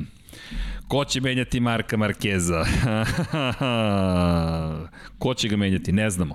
Štefan Bradl deluje da će pa, i dalje biti taj. Pa to mi je nekako najprirodniji izbor u ovom trenutku, posebno što vidimo da Honda sad, sad će možda malo i da luta u toj čitoj priči, možda jednostavno najbolje da tu bude neki vozač koji je u, u, u toku sa svim uh, razvojnim fazama. Tako da možda bi trebao on da ostane, ne znam nije. Ja mislim da mora da ostane, vrlo jednostavno. Ko je ove godine vozio trke i ko je ove godine razvijao motocikl? Štefan Bradl. Ukoliko vi sada uvedete u celu priču nekog novog vozača... Da je Alex Marquez ostao, možda bi mogli da razgovaramo o tom nekom drugom vozaču, pošto je tu već promenjena Tako pozicija, je. mislim da bi trebao da ostane jedan vozač koji je u timu. Štefan Bradl je meni najlogičniji odgovor. Da. Nekoliko razloga. Mm, i ovo nije nikakva teorija zavere. Mark Marquez je Mark Marquez. On je najveća zvezda Honda, najveća zvezda trenutno u Moto Grand Prix zajedno sa Valentino Rossi. Valentino Rossi je univerzalna zvezda, čovjek je Valentino Rossi. Međutim, Mark Marquez ima svoje mesto u Hondi. Broj 93 tamo mora da ostane. To je simbol, to je znak da će se on vratiti, da je Honda i da je on i dalje u Hondi. Ako vi želite da dovedete zvezdu na to, na to sedište, nema više broja 93 u garaži. Ne može da stoji atomski mrav tamo. Mora da se skloni. Ako vi to učinite, to sada je opet jedna ozbiljna simbolika. Sklanjate Marka Markeza iz Honde. To je ozbiljan udarac. Videli smo Lewis Hamilton kako je reagovao na jednu trku Georgea Russella. Čovek je polu bolestan komot, došao. Komotno je mogao Abu Dhabi da preskoči. Mogu je da preskoči Abu Dhabi, rekao ne, ne, ne, ne, ne, ne, ne, ja vozim. E sad zamislite Marko Markezu da neko kaže, važi, mi ćemo dovesti sada, evo, spominje se Andreju Dovicioza. Zamislite da dovete Andreju Dovicioza s kojim se on borio za titulu pre nekoliko godina. Tri puta za redom se borio s tim čovekom za titulu. Koju poruku vi šaljete? Evo samo stavite sebe u poziciju Marka Markeza. Vi ste zaposleni u nekoj firmi i od toga živite. Volite svoj posao. Hajde da se nadamo da radite posao koji volite. On voli svoj posao. On je jedan od tih Srećkovića. Evo, mi smo Srećkovići, mi volimo naš posao. I neko dođe i Marko Markezo kaže, mi ćemo sada da dovedemo Andreju Dovicioza. Dovicioza neće sedeti na fotelji sa brojem 93 kao što će Štefan Bradl prihvatiti da sedi. Neće sedeti tamo gde, su, gde je mrav nacrtan. Ne, nego će reći, ovde Dovi mora da piše 04, mora da stoje moj beli crni konj to više nije garaža Marka, garaža Marka Markeza. Tako da Štefan Bradl, po mom mišljenju, jedino rešenje. Doveli ste Pola Espargara na drugu stranu, to je bivši šampion Moto2 kategorije, to je to. Alex Marquez prebačen je na motor čoveka koji je razvijao Hondu, nemojmo to zaboraviti, to je sedište Kala Kračlova, koji je i tim koji je suštinski razvojni tim. Ono što je problem, Alex Marquez nema dovoljno iskustva na Moto Grand Prix motociklu. Nema ga, tako da tu imamo kariku koja nedostaje. To je ono što Alberto Puđ rekao. Tako da Štefan Bradl ja sam gotovo 100% siguran da će to biti šef. Pa da, sad čekat ćemo zvaničnu odluku, ali jednostavno nekako je potpuno ono kao prirodno da, da sad i na, i na toj strani ne talasaš preterano, nego jednostavno prihvatiš takvu situaciju i radiš sa čovekom s kojim si već uigran. Jednostavno moraš da imaš takvu osobu u garaži. I da izvini da odgovorimo na Toni Sony dodaje kakva je budućnost jedne, kako je budućnost jedne Honda zavisi od Markeza. Toni nije tako jednostavno. Ako pogledate da je doveden Pole Espargaro upravo u momentu kada imaju Marka Markeza, Honda ne želi da zavisi od Marka Markeza, ali u ovom momentu je dovedena u situaciju i sebe dovela u tu situaciju da zavisi. Da li to želi? Honda ne želi. Na osnovu njenog istorijata, iskustva sa svim velikim vozačima, to ne želi. Međutim, ko je mogao da očekuje da kada se pojavio Moto Grand Prix će biti toliko dominantan faktor, da će on tom brzinom se približiti Valentinu Rosiju po broju titula, da će biti na 18 trka od 100. pobjede u karijeri sa samo 26 godina za okruženih, on je čovjek na 82 pobjede bio. To su izuzeci, to su neki posebni vozači i dovedete sebe u situaciju da taj isti Marquez ima sa, sa druge strane Jorge Lorenza. Dakle, Honda je pokušala da nađe balans i da ima još nekog osim Marka Markeza. Eksperiment s Lorencom, nažalost, samo nije uspeo. Dani Pedrosa nije mogao da se odupre Marku Markezu. E, stalno se priča da Honda priprema motor samo za Marka Markeza. Njegov upliv je sigurno najveći, ali da ima izbora, Honda bi ga prihvatila Jer to nije kompanija koja je orijentisana na vozača, kao i Ducati. Ono je kompanija koja je veća od vozača samo. Tako je. To je... Ovo je splet okolnosti. Tako je. Ovo se samo desilo. Ovo je splet okolnosti i, i ne znam da li ćemo možda vremenom saznati da li je ovde malo uh, Honda prevarena prikrivanjem prave situacije vezane za povredu. To, to isto je, to je neka stvar pitanje. o kojoj mora da, da, da se razmišlja. Ko je znao i šta je znao. Da. I šta, što nije nemoguće. Doći do podataka... Jel sećaš se kako su bile priče kad će se vratiti, kad će se pojaviti. Znači, sigurno u nekom trenutku se je znalo da, vezano za krugove oko Marka Markeza, se znalo da, da se neće vratiti na, na poslednje tri vezane trke i tako dalje i tako dalje. Znači, možda je, možda je Honda mogla par nedelja ili meseci ranije da, da sazna da već, da već krenu neku priču. Možda, možda Alex ne bi, ne bi odlazio, ali generalno njima je sad situacija, oni prezime Markeza sad nemaju trenutno u garaži. Da, oni sada nemaju. Znaš, to je, to je ta priča koja možda ovaj, možda nije išla na njihovu vodenicu, možda oni nisu insistirali, a možda su znali, ali su se nadali da će biti drugačije, što meni onako malo neozbiljno deluje, ne znam, ne znam, jednostavno ovaj, suviše vremena prošlo, ovaj, nikakva akcija sa, sa strane Honda nije ovaj, donesena, nik, nikakva odluka nije donesena i onda kad, kad, kad, se ovaj, kad smo svi saznali da je situacija mnogo gora sa povredom nego što jeste, praktično Honda je dovedena pred neki svršen čin, a rešenje u tom trenutku već, već nije bilo. Tako su i došli u situaciju u kojoj se trenutno nalaze. Da jednostavno se, se tako poređale sekvence, to je takva je sekvenca da su došli do ovoga gde su sada. Zanimljivo pitanje, da li znate ko je prvi pobednik u istoriji, španski pobednik u istoriji Suzuki, šta je zajedničko njemu i Miru? Boško Desančić uvek izlači neka specijalna, neke specijalna pitanja i informacije. Koji? Pa meni na pamet pada Sete Gibernau, ovako na keca, iskreno, da je on prvi pobednik na Suzuki u španski. Vrtim po glavi, Špance, u Moto Grand Prix na Suzuki meni je sete. To ako napamet. To mi je ona čuvena scena u Valenciji kada pada na zemlju, baca pesak i slavi da. pobedu. Da, ne znam da li je pre, sad ja ovako... Ne znam, evo Boško, setim. ne znamo, nadam se šta je zajedničko njemu i Miru. Hmm. Sete Gibernau Joan Mir, možda da su, ili na Palma de Majorci rođen, Lorenzo je rođen na Palma de Majorci, Majorčani su Mir i, ali Sete mislim da iz Barcelone, evo ne znam, iskreno, tako da, evo dajte nam odgovor. Da li igrate F1 ili Moto Grand Prix, zamislite e-sport tim da napravimo. Darko, jedan od planova, ne, samo nas je toliko malo, dakle da... da, a i veterani su. A i veterani, malo da refleks. Ali, ali, čekaj deki, Deki, napravimo... Starosne kategorije. Ali ne, oficijalni Team Lab 76. Team 76. Pa neki tim, da. Darko, da, nešto može da se napravi. Ok, i onda se voze kvalifikacije. I onda pripremimo celu opremu. Team 76. O, mislim da smo upravo dobili rođenje nečeg novog. Čekaj, mi sve stalno pričamo o ovome, a ovde već imamo svu opremu koja je neophodna za Teams. Jel može, Darko? Evo, to je pitanje za sve vas. Da li ste razmišljali da po uzoru na Vision Go svaku epizodu čestitate rođena vozačima F1 i Moto Grand Prix na dolazećoj nedelji? Lepa tradicija. Činjenica, ali da podignemo na više nivo. Inače, pratite Vision Go, da topla preporuka ukoliko ste ljubitelji tenisa, ukoliko ste ljubitelji waterpola pod kapicom.com. Smeju mi se ovde, smeju mi se što, što promovišem stalno sve ostale podcaste. Nemoj da se smejete, to je deo, prije Dejan se smeje. Imaš Bore. Pa, dobro, ja, ja promovišem podcaste drugi. da, i treba da, čujte. Svaki put pričamo o Liverpoolu, pa sad sam krenuo kosmosu, pa šta hoće. A zato, zato pa reaguješ. Da, da. Pa da. Walk on podcast takođe yes. ispratite. Nije lepo da se smete starijem čoveku, ali dobro. Walk on podcast, vidiš da ti stoji Liverpool, ne diramo i podkapicom.com, to, to je isto. Šta, gde smo bili? Dakle, da li Vision Go? Pa, čujte, zašto da ne?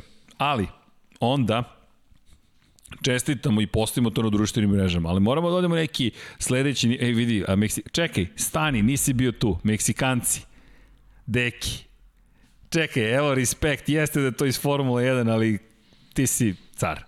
Dakle, pripremili smo zastavu, ja sam moju izgubio, ti si doneo direktno iz ambasade Republike Meksika, to je potpuno genijalno. Ti si doneo deo Meksika i čovek sa Fox Sportsa da se promovisao u Meksiku, ono, ne znam koliko ljudi iz Meksika došlo, Hvala Don Pablo je završio transkripciju, ima kritike na, na, naš, na našu terminologiju i izražavanje, izvukao je spisak. Dikciju i svašta nešto. Svašta izvukao, mi, mi se pravdamo da je podcast u pitanju, nema pravdanja, da vidite ovaj pogled, ne biste smeli to, da, baš je opasno. To su te godine. Je, jeste. Mišljenje, ne zamerite. ozbiljne. Mišljenje je nove nove budućnosti. Da li ima šanse da se poništi kazna i šta mislite o Dovi u Hondi? Za Dovi i Hondi mislim da nema tih vrata koje su otvorene. Pa trenutno. da, ja mislim da on malo sad i, i, i ovaj psihički se i potrošio. Sad, mislim, Verovatno. Bilo, bilo je mnogo velikih pritisaka je bilo ove godine, tako da ne, jako je teško da, da, se, da se resetuješ na taj način, da se ponovo ubaciš u, u režim ovaj, učešće u Moto Grand Prix-u. Mislim da je to stvarno teško, teško za njih, ovaj, posebno posle ovakve sezone, tako da ne, ne, jednostavno ne, ne znam, mislim, nije, nije mi realno. A, kada govorimo o prvom delu pitanja, ne od Oviju, nego Janone. Janone. Pa on mora da, da dokaže da, to, da je to, to meso bilo, ali mislim da dokaza tu ovaj, nema, ne znam. To je, to je jedino što mu traži. Oni mu da, tražimo, tražimo Dokaz dokaze. da, da je ovaj, kako kažem, kontaminirano meso dopingovano meso, ali A to je to nemoguće. To je pa to, ako već nije, je ako već na, na, na ovaj na prvom ročištu nije uspeo da uradi, ne znam, ne znam na koji način to može sad uradi. Neki CSI Miami ili nemam pojma, ne znam kako bi to mogo da, da izvede. CSI 76. Da. Dobro, eto, eto ideje. Da, nema šanse da, da mu ponište. Na, nažalost, prosto procedura koju Deki objasnio takva, mi ga ne vidimo da će se vratiti da li će možda u nekom takmičenju naći budućnost, ja se iskreno nadam da hoće, međutim to podrazumeva nekoliko vrlo ozbiljnih stvari, da ostane u formi, da ostane psihički spreman i rešen da ponovo rizikuje svoj život. Uzmite obzir i to. To je vožnje navika, trkanje je navika. Vi kada ste navikli da se trkate, to on postaje deo života, svakodnevno se probuditi i znate kako mi izgleda život.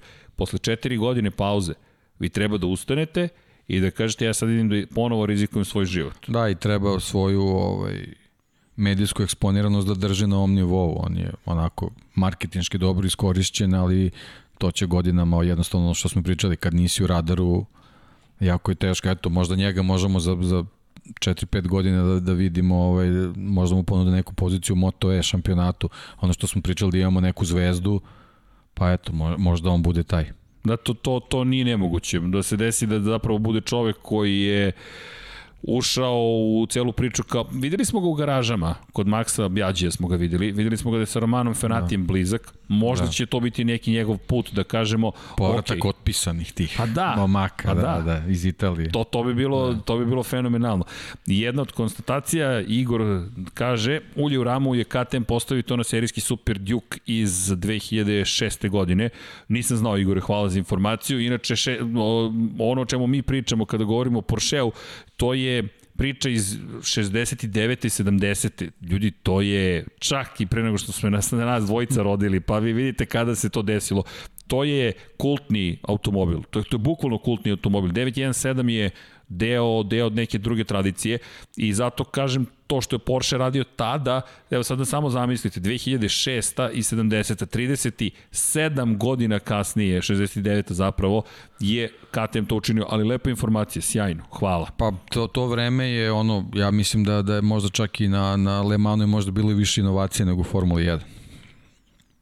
Formula 1 je koristila nekoliko šasija, vrtila je, ono, Fordovi motori su bili ti koji su, ono, malte ne, svi su ih koristili i to se čak i neku deceniju kasnije, yes. dve decenije kasnije provlačilo, ali na Le Manu, boga mi, sa sa svakom trkom je nešto novosti. Da, ali ovo mi je zanimljivo, ovo da. je super informacija, hvala. Uh, Tako da ćemo pratiti. Kapetan Bela Lađe, počeli ste bez mene. Izvinite kapetane, ali u 21.0 Don Pablo je rekao nema kašnjenja, tako da znate. Šta je ovo sinoć je bilo 1250 ljudi, sada 166. Upali su zimski stan kapetane, ali mi ćemo da ih razbudimo. Johnny Rea ih je takođe probudio.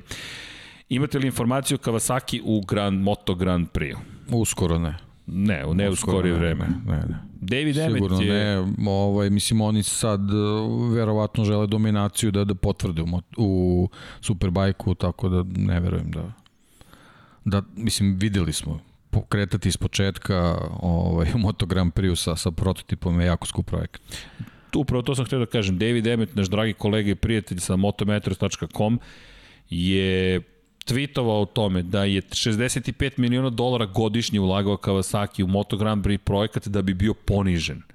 A za desetinu tog budžeta u Superbajku dominira. Zašto biste potrošili više od, na primjer, 10 miliona dolara i bi imali Johnny Areu na svom motociklu i imali onakav motocikl, onakve kadrove. Alvara Bautisto. Alvara Bautisto. I da vi dođete u situaciju da kažete, čekaj, evo šest i po ili deset puta više para da bismo bili 12. 13. Samo zamislite sledeće, mi se toliko neću da kažem hvalimo, ali toliko smo srećni kada pogledamo Moto Grand Prix trku i da je izjednačenost takva da u jednoj sekundi manje više 18 vozača.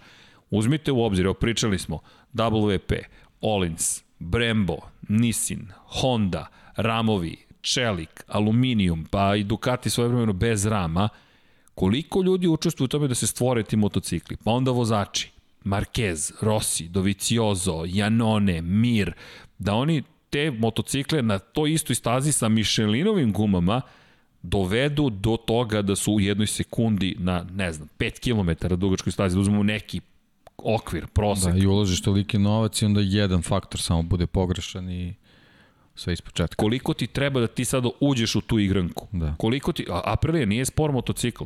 Mi pričamo o tome da Honda nema pobedu ove godine. Honda nema pobedu ove godine. Ljudi, to je na nivou nemogućeg. Honda nema pobedu, Aprilia nema. I sad Kawasaki, bez igde i čega, poslednji put je tu bio to isto Emec spominjao kao Hayate sa Markom Melandrijem. Crni Hayate, kako je to bilo dobro. E, i to mu je dobro pitanje, je li to satelitski tim ili fabrički tim? Hayate je samo bio naziv koji su ostavili za tu ekipu koja je imala rezervne delove otprilike do polovine sezone. Imali su ugovor sa Dornom da ostanu u šampionatu, tužna priča o Hayateu, ali Marko Melandri je bio drugi na Hayateu. Iskreno tad sam navijao da, da, da na Hayateu dođe do pobede. Zamisli, Marko Melandri i Hayate pobeđuju. Da. A to je godine, to su godine one krize, stalno neke krize, globalne finansijske, kada je Honda odlučila da izađe iz Formule 1, pa Ross Brown od, otkupio Hondu, pa u Hondine bolide stavio ne samo dvostruki pa, da, difuzor, već i Mercedes. Bi tako, pa čisto da, poredni s Kawasaki, tako da Kawasaki u skorije vreme, nažalost, bojim se da, da, da se neće desiti u, ne vidimo da će se to dogoditi. Gresini i Aprilia se razilazi ili samo Aprilia dobija fabričku ekipu, oni ostaju satelit, Suzuki jedini ostaje bez satelita. Andrej, to smo pričali na početku, jedno od vesti jeste da je Gresini potvrdi da ostaje u šampionatu, ne znamo s kim će sarađivati Gresini. Aprilija svakako će biti tu sa fabričkim timom. Mi navijamo za 4 Aprilije. Moja spekulacija je da bi Gresini mogao i sa Ducatijem da potpiše ugovor. Koje su mi razmišljanja? Jedna od vaših konstatacija je da Suzuki nema satelitski vozače. Samo zamislimo sledeću kombinaciju. Skyver 46 tim je već prezentovao Ducati Luke Marinija u svojim bojama. Ducati deluje kao da to su prošlogodišnji modeli. Od šest Ducatija, četiri su fabrička. Fabrički vozači, od sledeće godine Jack Miller, ne samo Jack Miller, i Francesco Banjaja. S druge strane u Pramaku Novajlija, Jorge Martin i iskusni sada već Joan Zarko. Oni imaju GP21 u rukama. GP20 će biti u rukama Luke Marinija i Enea Bastianini, novog svetskog šampiona Moto2 kategorije. Ako ta dva motora izuzmemo odjednom, zašto? Da bi Suzuki mogao da uđe u saranju sa Skyver 46 ekipom, imamo dva Ducatija viška. Ako Gresini kaže, ovo je naš MotoGP, Moto Grand Prix projekat, možda ta dva Ducatija mogu u njegove ruke. Nisu to loši Ducati, to smo videli sa Zarkom ove godine i Ducati podržava, da im nove delove. Tako da to su samo ove spekulacije zašto. Gresini italijanski tim.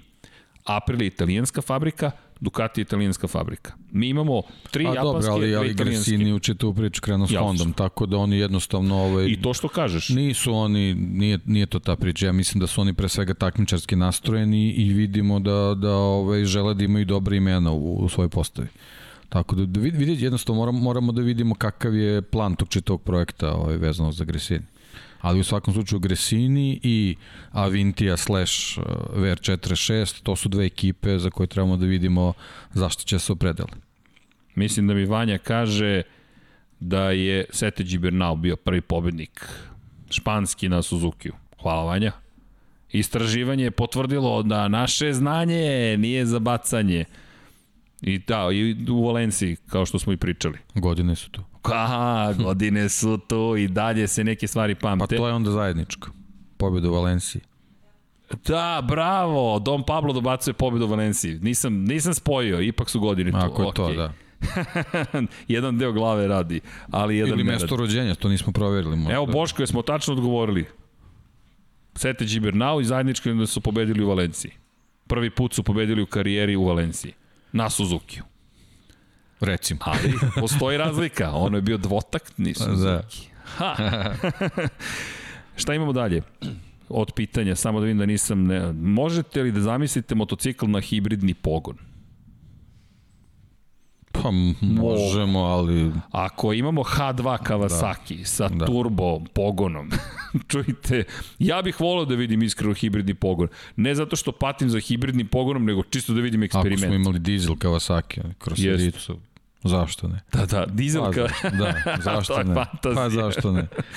pa eto, možemo da ga zamislimo, doćemo da napravimo jedan. Stvari, mislim, stvari tehnologije kako može da se spakuje, to, to je ono To je ono što je ključno, ali ovaj, ne sumnjam da je možda već neko da probao da uredi. Gresini nije mala fabrika, prave motore za brodove, čamce, jahte. Gre, e, Kostić nisu ma... A ne, ne, ovo nije Gresini, Neka grešiš, grešiš. Da, to ne, Kawasaki. Ljudi, pričali smo o Kawasaki, evo kratko da dodamo, da, da, da, da, da, da, da zaokružimo tu priču. Kawasaki je ogromna industrija, ali se oni bave teškom industrijom. Kawasaki Heavy Industries, lokomotive, roboti, robotske ruke, brodovi, ali ne brodovi, ne čamac, ne jahtica, nego brodovi. Govorimo o kontejnerskim brodovima koji se služe zapravo za udržanje kompletne trgovine globalne. Kawasaki je ogroman. Zamislite ogromnu jednu korporaciju u kojoj je jedan deo posvećen motociklima. Zašto? Pa zato što je to strast. Zato što je Japan, kao i Italija posle drugog svetskog rata, imala potrebe za mobilnošću. Mi pričamo o mobilnosti u 2020.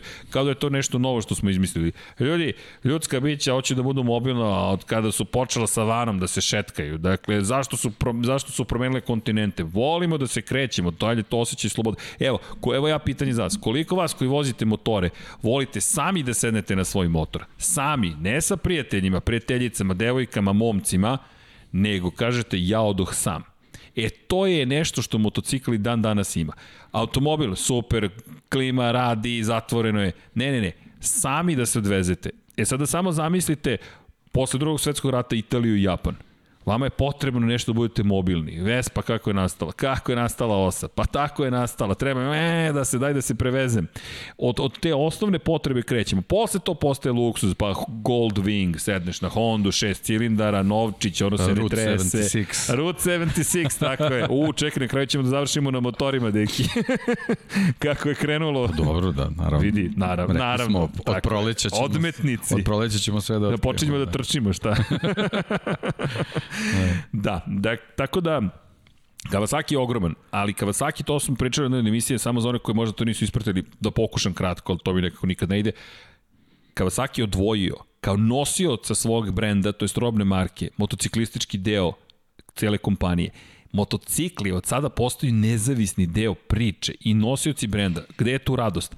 Ko radi u korporacijama zna o čemu pričam. Ko ne radi, ovo je kratka priča o tome kako funkcionišu marketinški budžet.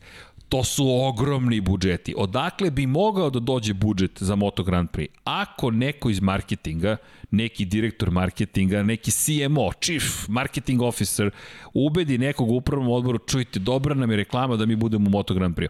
Nije dobra reklama ako ćete vi da kasnite dve sekunde i ko aprilje godinama da se borite dođete do vrha. To Tako je mač sa dve oštrice kad uđeš u tu priču. Ali ako ne uspeš, da se brukaš. Ne smije da ti se desi da. ko šašinjem na kanom, da, da. ti eksplodira Bridgestonova guma na pravcu u muđelu i da ti čovek odleti da se kotrlja. To su sada zaboravljene scene. Ti ja ih se dobro sećam. Da, iako oni nisu tu specijalno krivi bili. Ali... Ništa nisu krivi, ali, ali ti gledaš kako ninja leti kroz vazduh zeleni, a sa onim velikim Mickey Mouse očima šinja na kano se kotrlja. A sa druge strane, te isti ninja kult u Superbajku.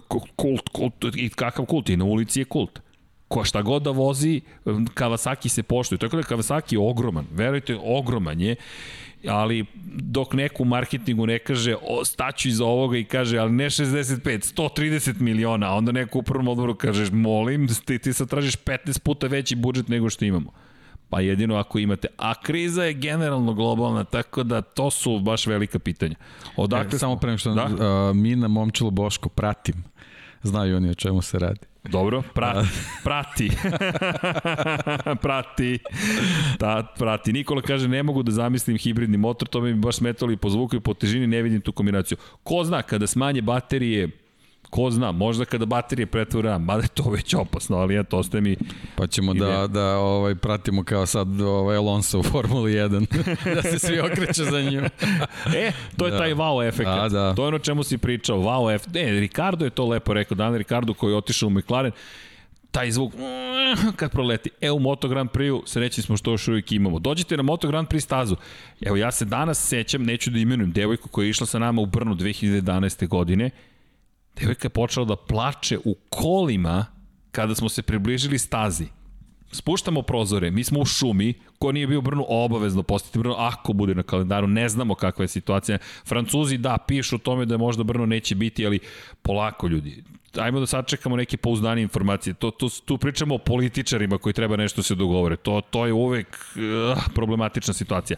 Elem, dolazimo u šumu, i prolazimo kroz šumu, približamo se stazi samo čuš kak, to, to, to ne može da se opiše i prepoznaješ da, a evo ga Ducati je prošao, to je da, 2011. Potis u stomaku. Pota, to dijafragma kad krene da radi. Blo, blo, blo, blo, blo, I ja sam taj, to. taj efekt doživeo 95. recimo na Hungaru ringu.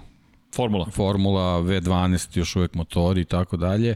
Bio sam da, hrabar kao, neću da, da neću stavim čepiće u uši, no. ovaj, znači mučnina, odlazak na ono brdo, onaj sa dalekovodim i odatle sam pratio drugi deo trke.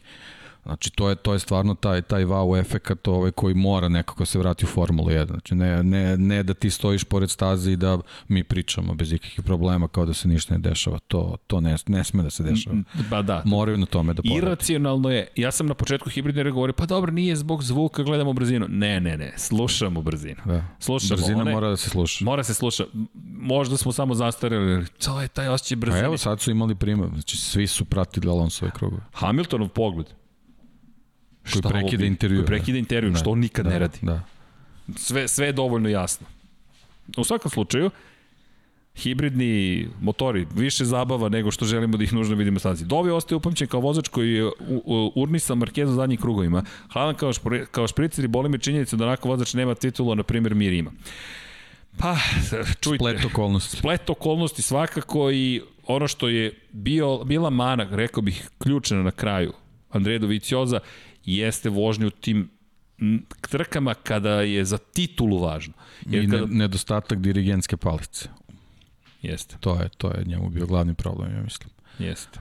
Suviše fin i nenametljiv bez, bez bilo kakve želje da uđe u, u bilo kakav konflikt sa, sa timskim kolegom. Ili si ti to gledao, še, ne Shakespeare, Mozart u džungli možda?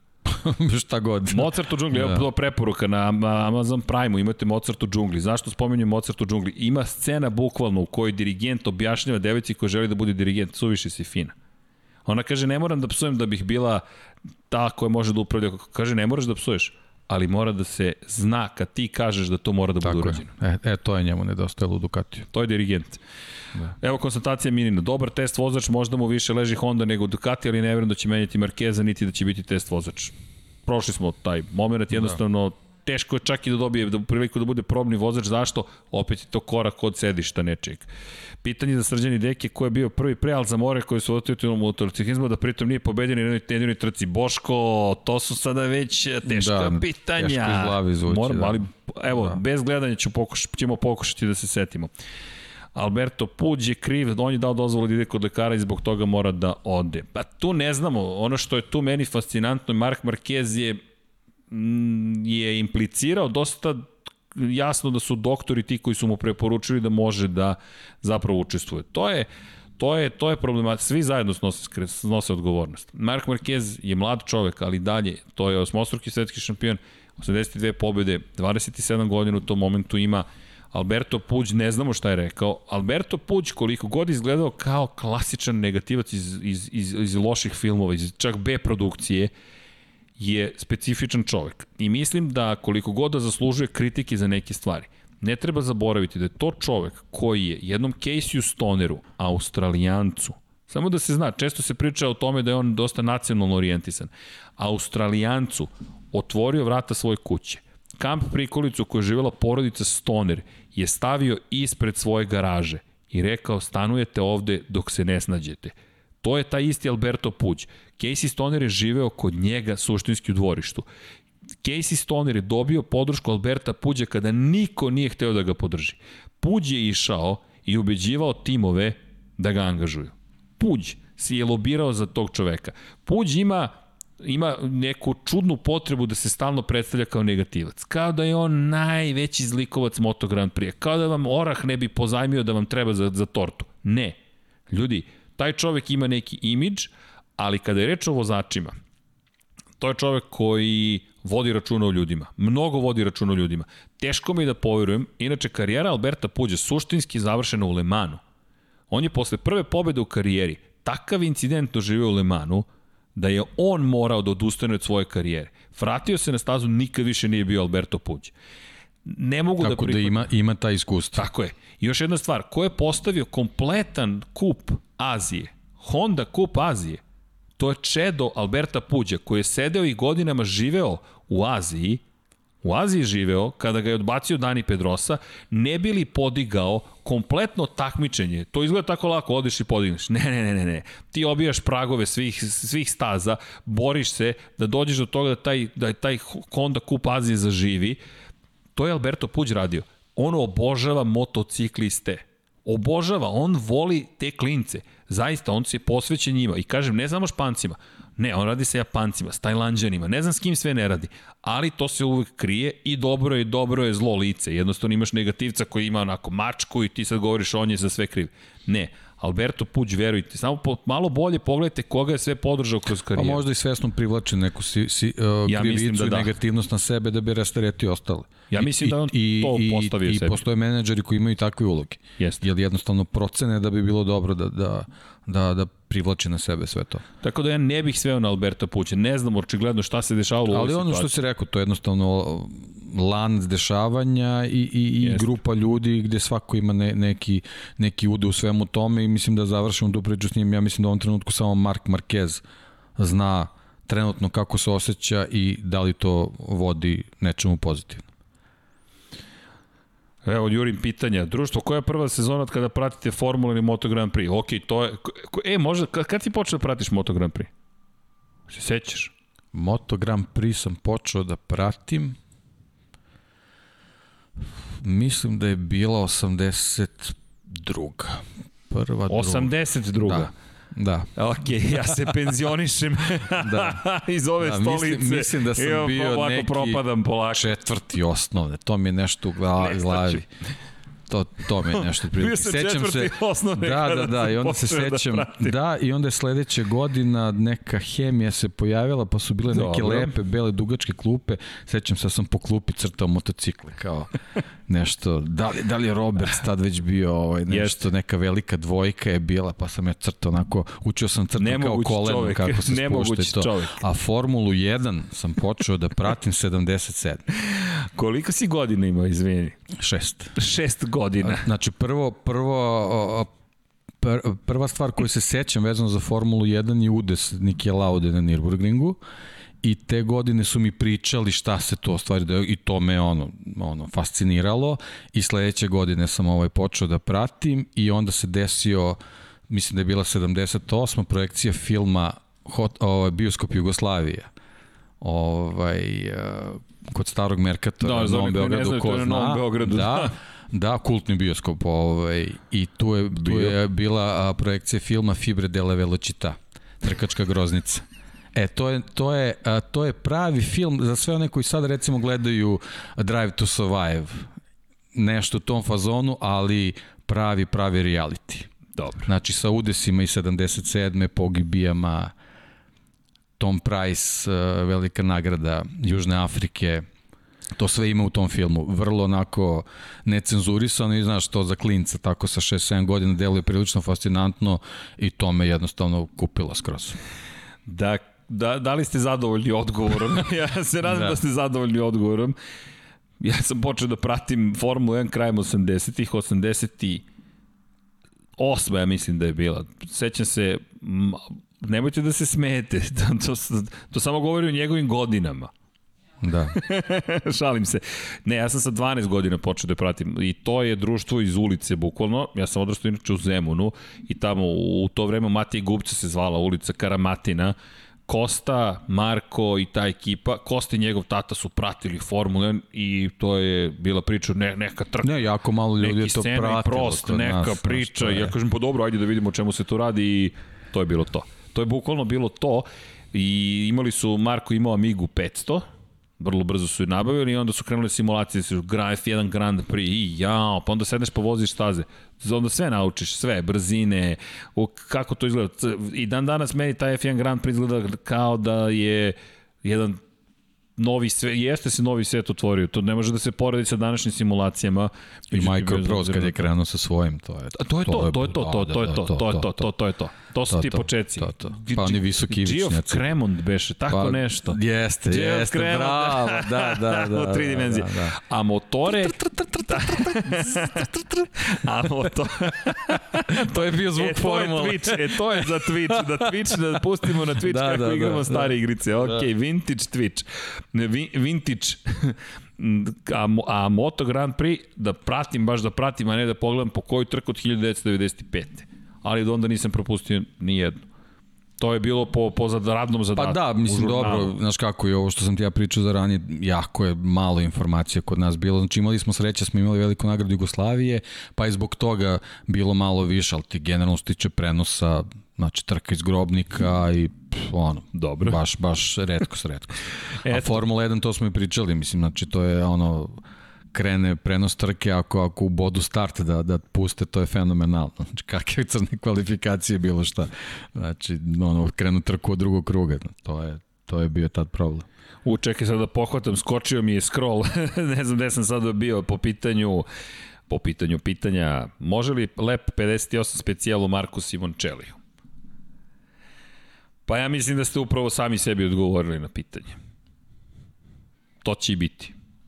58-ica ne može da prođe bez Marka Simončelija. Znači ništa od, od, od ove student formule. Ne, ne, formula student namerno se zove specijal. Aha, namerno se zove bez, specijal. bez broja. Da, bez A, broja. Dobro, dobro. Bez broja. Bez broja. Ne, ne može prosto da, da, da, da bude, evo zahtev, da traje 4 sata. 58 sati, kako? Nisam ispratio, ali nešto dobacuju ovde. Da, 58-ta, ne sledeći. 58-ta, da. Biće sledeći 58, prosto ne može... A ovde poručuju Hayabusa neka srđene. Hayabusa, može i Hayabusa. Hayabusa je izmišljena da bi bila Hayabusa. Ništa drugo. Ako je sretnete, znate da je neko prosto samo obožavalac. Voli motore. E, izvinjam se, sad sam malo ispratio gde, ko je, kako. Da, Kawasaki najavi vraćanje Meguro brenda. Hvala, hvala Andri, to nisam ispratio, moram da ti priznam, tako da hvala. A Krapović je sinonim za zvuk. Da, ja Krapović, nadamo se da će biti prilike da se družimo sa ljudima iza Krapovića. Srki Deki, da li će KTM imati novi motor sledećeg godine? Izvini Ognjene, Ognjen pita već stoti put, izvini Ognjene. Da li će KTM jedin imati novi motor naredne godine? Ne. Aprilia će jedina imati novi motor kao novi motor, KTM ga je spremio ove godine, tako da, ne, zapravo, ajmo da budemo precizniji, Aprilia bi trebalo takođe da ima novi motor za narednu godinu, KTM će ga takođe imati, ali KTM za razliku od ove godine više nema mogućnost da taj motor unapređuje tokom sezone. Tako da kada obave homologaciju na početku godine i prijave postaju isti kao i svi. Od postaju, tog trenutka. Tako je, od tog momenta postaju kao i svi. Tako da će i April imati novi motor, ali Honda, Yamaha, Suzuki, Ducati, oni ne smeju da menjaju motore, zahvaljujući i COVID-19 pravilniku koji kaže ono što ste radili u ovoj godini, morate u narednoj. KTM je bio izuzet pošto je pripremao motor u sklopu tih, da kažemo, povlastica koje imaju Aprilia i KTM, kao i timovi koji su bili, bili slabi. Aprilia dalje toliko slabija, neću da kažem slaba, da može i dalje da razvija motor. Tako da Aprilia će imati takođe. Da, i zato očekujemo, to nismo ni, ni pričali, zato zbog tih pravila očekujemo da će Yamaha biti bolja sledeće sezone, jer, jer će sad moći da reše taj problem sa ventilima koji su imali, ovaj, to će biti samo stvar homologacije i imaju pravo da to urade, tako da nadam se da će to doneti bolje performanse za njih. To jest da budu istražljivi sami agregati. Može neko da mi objasni što je Alex Marquez dobio otkaz, nije produžen ugovor iz Honda pre nego što je krenula sezona?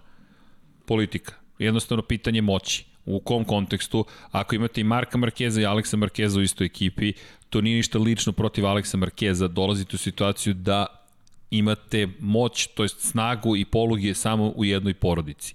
Ovako imate i dalje Aleksa Markeza i njegov talent u Lužiče Kinelo Racingu, zadržavate Marka Markeza, kostavljate kontrateg u vidu Pola Espargara, koji je takođe španac, tako da to nema veze sa nacijom, Repsol svakako ima španaca dovoljno, ne treba mu još jedan, ne insistiraju na tome, ali, ale, oprostite, Pola Espargaro je takođe nekadašnji šampion i ove godine je bio izuzetno brz, to smo videli, konstantno brz, to je ono što je važno. Tako da Alex zato, Alex je žrtva situacije, nije žrtva svoje, svojih sposobnosti. Ali, I mislim da je ta odluka donešena mnogo ranije jest. nego što su oni uopšte znali kako će se Pre razvije. sezone. Tako je. Oni su već ga otpustili. Zato kažem, možda je taj neki nedostatak informacije iz porodice Marquez doveo do tog čitovog sklopa vezanog za, za, za te neke odluke u Hondi. Ali vidjet ćemo. Dakle, Srđan left, gasi Vanja, dobro, Deki ozbiljan igrač. gde se me, evo pitanje za tebe, gde se Moto Grand Prix prenosio 1982. Ne, ne, ne znam. De, Deki je 76. godište. 70. Nije bitno. Šalim se. Ali recimo da će Lab 76-71 biti posvećen Deki u potkonjaku. Vaj, tvoja karijera je impresivna i to bi trebalo o tome da se prita. Da, Puđ je sto puta bolji nego Belokos i deda u Ducatiju Gigi Dalinja. Ah, Gigi Dalinja je druga vrsta sada menadžera. Gigi Dalinja je inženjerski menadžer. Njemu je motocikl taj koji je najvažniji. Da, nije trebao da se meša u Tako ovaj je. Personalne stvari. Ne bih poredio i rekao ko je bolji lošiji. Dalinja nije čovek zadužen za menadžment ljudi njegov način komunikacije s vozačima je inženjerski. Ne, pa, on, se, on, se, on se pojavio posle one loše prve sezone do Vicioza, zajedno su krenuli u uspon i kad je to trebalo da se finišira, Jest. on se umešao u neke druge stvari, to jednostavno nije, nije prošlo kako treba, uh, nisu Lorenca zadržali po meni što isto možda ovaj ključna stvar vezana za, za ovaj sadašnji pad i eto, mislim, to su neke odluke Vidimo da i Superbike-u bilo dosta problema ovaj, vezano za, za ovaj human resource, tako da to je jednostavno stvar upravo to što se rekao. Pa, tu, tu je trebalo naći nekog čoveka koji to ume da, da handluje, a da linija to očigledno nije znao da radi. To ono što smo, jedan od razloga što smo Davida Brivija toliko hvalili. Da, da. da je znači jedan čovek dobar. koji Jerve Ponšaral na kraju krajeva i tako dalje. Ali kako je lepo podelio svoje uloge Davide Brivio. Ken Kavauči. Pa to je uloga menadžera. Tako je onaj koji je na, na izvršnoj, na vrhu piramide. Izvršni na vrhu direkt... piramide je Sahara. Dobro, Sahara. da, da, okay, znači, to, on je čovek koji u stvari to sve podeli kako će, tako, e, tako sad, je. Vrh, ajde da kažemo, u okviru te piramide postoji piramida koja se zove trkački tim. Šef tima je Davide Brivio. I Davide Brivio je taj koji je rekao, tehnikom se bavi Ken Kavauči. On je taj koji je zadužen za motocikl, a ja sam zadužen za organizaciju tima. I ta podela kada se dobro obavi, kada nađete pravi, pravi i hemiju kada nađete i stvorite pravi tim, možete daleko da stignete, to smo videli ove godine. I, da, i, I bez obzira što je korišćenje prilike, pa da iskoristite prilike. Što je Maha nije iskoristila prilike? A imala je motor koji je imao najviše pobjeda na kraju sezone. To govori nešto i o Yamahinom menadžmentu. Kada reč o Dalinji, tu vidimo njegovu najveću manu. Ne da organizuje tim da stvori trkački motocikl. To svakako, to očigledno može. Međutim, point da biste bili najbolji. Atmosfere je point. E, kad nema dobre atmosfere... Zamisli tandem da Viciozo Lorenzo u, full snazi. Ne smijem ni da zamislim. Da Lorenzo u, u Ducatiju da je ostao da, još jednu znači, godinu. Jedna, jedna godina Lorenza sa, sa Doviciozo. Huh. I, I, znaš, podvučeš crtu i ispostavi se da je ta jedna titula ovaj, Stonera, ajde uz, uz ekipni šampiona, da, da i, i to pripišemo, to je sve što su radili. To je baš, baš malo. Jeste, to je, ne, ne mogu da kažem čak ni, ni ne, gore mi je kada kažem nedovoljno dobro. Nedovoljno dobro mi je jedna od gorih ocena. To, to je kao da više nije ni bitno. Već smo da. nekako se navikli da će biti propuštena. To je meni najgore. Kada dođeš do toga da znaš da će propustiti priliku. Kada, to, to, to su prosto u, u drugim nekim sportovima gubitničke filozofije bih nazvao. U NFL-u to često viđamo, gdje ti imaš isti tim, ali ako šef ekipe ne zna to da stvori, da ne zna stvori tu pobedničku atmosferu, to, to su ozbiljni problemi. No da ne odemo u, u druge sportove, koji film si spominjao? Fibre della velocità. Fibre, trkačka groznica. Trkačka da, groznica. Italijanski film. To je, to je dokumentarac klasičan. Sad ćemo to mi to jako, da... jako teško može da se nađe, ako nekom treba može se obrati. A, ok, mislim da to, to da jedino na IMDb-u negde postoji sakriveno negde. Da. Pa vidi, znaš kako. Šta možemo da kažemo o Gaju Martinu? Au, Guy Martin, to je jedna legendarna kultna ličnost. Čovek koji je rođen 10 godina posle Dekija. da. Pa, uh, čovek koji je legenda. Zašto je legenda? Za oni koji ne znaju, čovek koji je na na pre svega kada govorimo o Isle of Manu, turističkom trofeju, tamo je ostvario mnogo uspeha. Čovek koji je, ja ne znam, preko 10 puta bio na pobedničkom postoju, ne, ne, ne znam napamet celu statistiku njegovu, ali nije pojenta samo u tome. to je čovek koji je zvezda. Čovjek koji se inače deklariše kao vozač kamiona. To je njegova, njegov poziv, ali je naš sada i kolega komentator neko koji je mislim 2000, ne sjeća se tačno koji, je bio deo mehaničara ekipe Williams i to u Belgiji pre, pre do pet godina, možda malo manje, kako god. Čovek koji, koji mnogo toga radi i koji je zaista impresivan o, o, o, o njegovim nesrećama takođe možemo da pričamo lomio kičmu nekoliko puta. Da, i simpatična puta. osoba nakon pojavom. Jeste, jedan, pa da, ali velika baš, zvezda. Baš filmska ličnost. Teko da šta sad da. možemo da kažemo, pa to je pravi motociklista za mene. Nekako to je opis te vrste junaka koje još uvek možete da imate u savremenom dobu, koje s jedne strane s pravom teži da učini neke stvari uh, hajde da kažem, otvorenim, inkluzivnim, nežnim i tako dalje. Ali s druge strane, kao da smo izgubili taj jedan moment tih hazardera gde kažeš, ok, znam da rizikuješ, ali svestan si rizika. Međutim, ako uspeš u tome o čemu si naumio, wow. Jer ako čime se mi bavimo ovde u ovom studiju? Bavimo se očigledno trkanjem, ali se bavimo i kosmičkim istraživanjima taj rizik da ti sedneš na raketu koja je, ne znam, hiljade i hiljade tona teška i sve uglavnom gorivo, 95% je gorivo i ako eksplodira, to je to, šta je to? To nije rizik. To su ogromni rizici. Zašto? Pa, idemo u svemir. Ovde zašto rizikujete? Da, zato što je zabavno. Ja se zaista izvinjam. Ne želim da zvučim grubo, ne želim niko da bude povređen. To nam ne treba. Ali kada pogledate, to je nešto što budi maštu, budi ljudski duh. Dakle, razumem da je taj osjećaj granice, osjećaš se živim, ali bez la, la, laži bilo kakvih. Jednostavno, Guy Martin je jedan od tih koji vas podsjeti i čeka, živi, da smo, živi smo ljudi. Pazi, on je čovjek koji ima ozbiljne povrede. Lomio kičmu, on je da. kod Trevis Pastrana. Trevis Pastrana, ne znam kako je živ. Lomio kičmu. Dva puta. Dva puta. Znaš, mislim, smejemo se, ali stvarno je, da, da. Ne, ne, ali da. smejemo se zato što hoda da. čovek. Da, dakle, da, da, da. On je i dalje, pa Trevis Pastrana. Jeste. On je pelvis svoj otkačio da. od kičme. Da i, i, I, dalje, i dalje vozi. Da. Evo Gimkana Novak, no, Travis Novak Pastrana. Et, da. et, eto, to je neko o kome, eto ti još jedan specijal, Travis Pastrana. I ona čuvena reklama, da ne reklamiram robnu marku, svi smo mi pomalo Travis Pastrana. Da. Ili bismo želeli da budemo. Zato nas i uzbuđuje kad vidimo neke nevjerojatne stvari.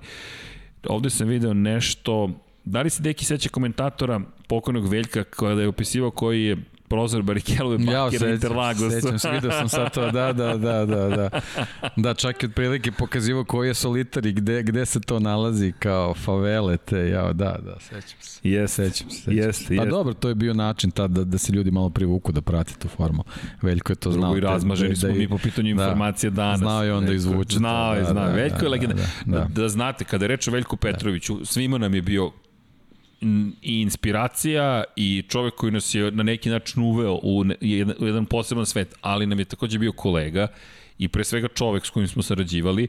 Veljko, nažalost, nije više sa nama, međutim, Veljko Petrović je mi nekako želimo da u studiju na kraju univerzuma radimo stvari koje mi sanjamo i sebi, ovo je naš studio, ovo je Infinity Lighthouse i eto, ako nešto sanjate, ako želite podeliti s nama, možda uspemo da ostvarimo neke stvari. Snovi su, pojenta je u snovima, da budemo živi. I mi smo uveli, ove godine, to ćemo najzad sprovesti u delo, nešto što zovemo priznanjem, priznanjem za najboljeg vozača sezone. I to je priznanje, nagrada kako god želite, koja se zove Veljko Petrović, bukvalno.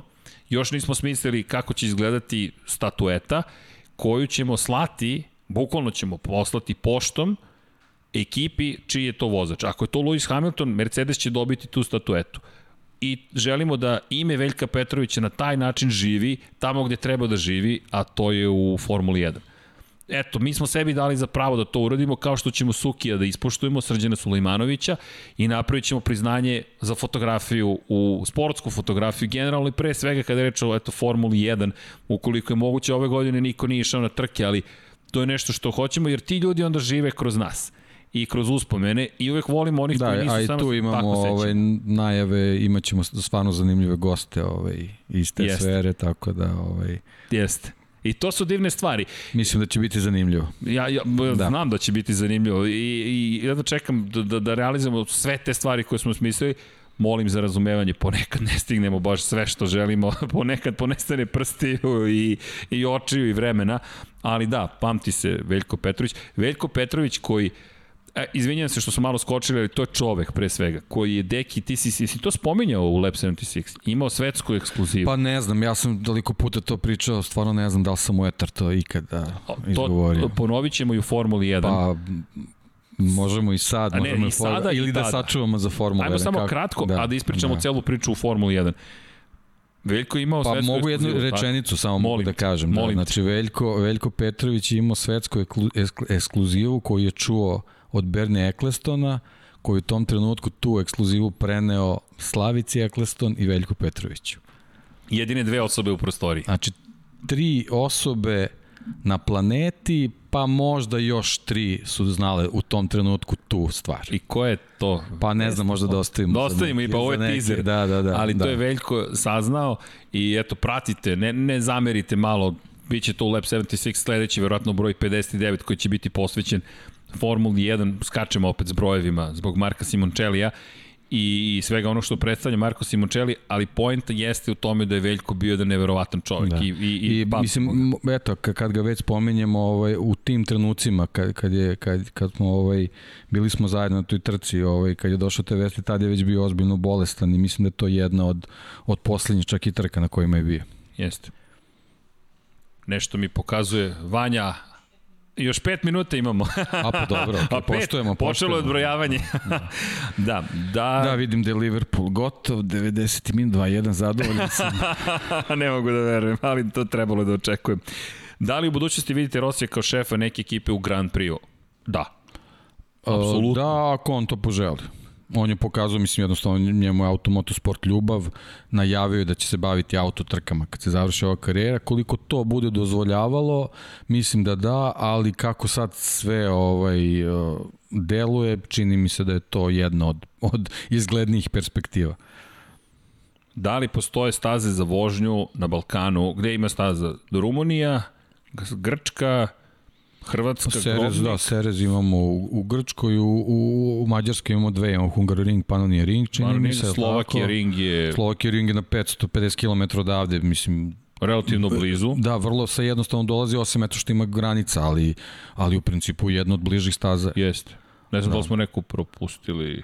To su nekako staze da. koje se najviše i koriste. Da no na Navak. U, navak u Srbiji, Navak je drugačija staza. Navak nije trkačka nije staza. Nije trkačka staza, to, to, je, da. to je drugačije. To dakle, je, od, to je poligon trk... bezbedne vožnje Tako koji je. ima to proširenje, uslovno rečeno proširenje koji se odnosi na jedan dugački krug, ali ovo je za track day, da, naravno. Naravno da da, i ja sam čak prošlog leta da, sam bio na jednom track da. dayu, veoma je zanimljivo bilo stvarno, ovaj, ozbiljne vožnje. Tu ćemo imati jednog gosta vezano za te track day-eve. Toni Soni kaže, meni je Serez na 100 km od kuće tamo da kupim stan i garažu. Samo, samo napred. Vozite Naravno. i uživajte. Kako to da na području Tegomahana nema nijedna staza za vožnju kao što je Serez? Dosta košta, vrlo jednostavno i to nije pitanje I mora samo da, mora da postoji neko razumevanje ovaj, ljudi koji vode države na Balkanu. Da. To je opet neka druga priča. Da, to je priča koja je dosta šira, ali je neophodno bukvalno da se razume koliko je to strateški važan projekat. Jer staze teško budu isplative direktno, indirektno mogu međutim da budu veoma zanimljive i isplative, jer to su i probni poligoni, razvojni centri, može svašta tu da se uradi kada govorimo o samim staze, trkama. Staze i, i, a, igraju veliku ulogu u, u, u razvijanju tehničke i bezbednostne kulture stanovništva. I to je, je. to je ključna stvar koja nama nedostaje ovde. I to je koliko košta život pitanje. E, ukoliko nam je problem da bude formalno u minusu, onda je država izgubila svaki smisao.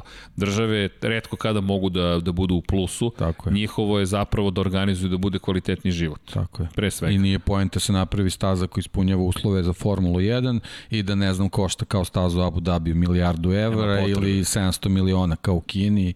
Može za mnogo manje novca se napravi, ali jednostavno potrebno je da se napravi infra, infrastruktura koja će moći svakodnevno da se koristi u cilju poboljšanja bezbednosti saobraćaja. To je, to je ključna stvar. Pitanje je da li može da se napravi jedna posebna emisija o Isle of Man. Apsolutno.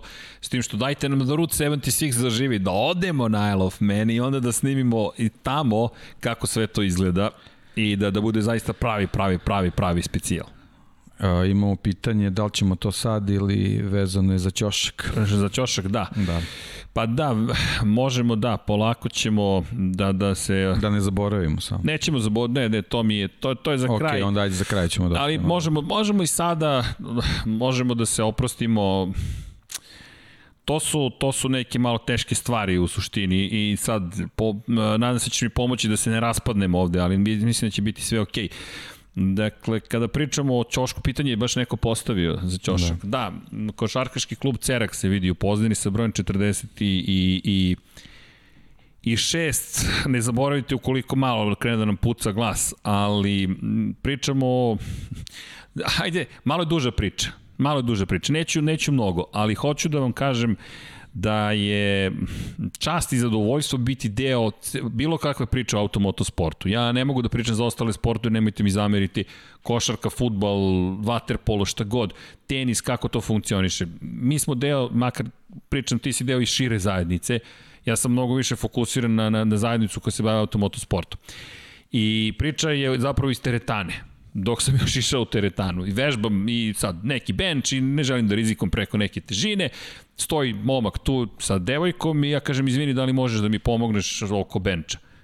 Kaže, ispostavit će se kasnije Nemanja Miljković, za tebe sve. Šok, ko, šta, zašto, kako, za te, ko, ko sam ja, vidim u ruci telefon sa pozadina broj 46. Nemanja ispostavi se da je košarkaš, ne znam čoveka, ne pratim košarku dovoljno dobro, 2.05, momčina i po, pomogne mi, e, ali možemo i da se čujemo, mi volimo trke neke ekipe, ispostavi se da imamo i mnogo zajedničkih prijatelja i tako dalje i tako dalje. Bili smo prošle godine zajedno na trci u Valenciji i nažalost Nemanja više nije sa nama, nije COVID-19, da ne pričamo o detaljima svega što se događalo, ne želim da, da bude tužna priča. Nažalost, ove godine jeste napunio 30 godina, napustio nas je mnogo, mnogo, mnogo pre vremena, ali bit će deo našeg studija i pokušavam prosto da, da, da, da, da ne plačem, ne zamerite, ali hoću da bude deo studija. Mislim da, da, da je Nemanja obeležio živote svih nas koje je dotakao i zato tu stoji broj 46 i, i, njegov cerak, gde je bio trener.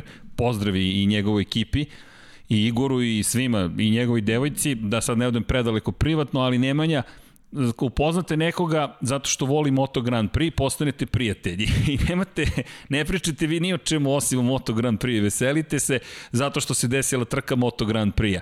I, i, i steknete neko nevjerojatno prijateljstvo, ako mogu da kažem da smo kao ceo tim koji se bavi time na sport klubu i, i sad u Infinity Lighthouse i Lab 76 nešto i ole lepo učinili, Prošle godine Nemanje stavio ispred garaže Valentina Rosija i fotografisao se. To je neka, za mene, neverovatna tada bila priča.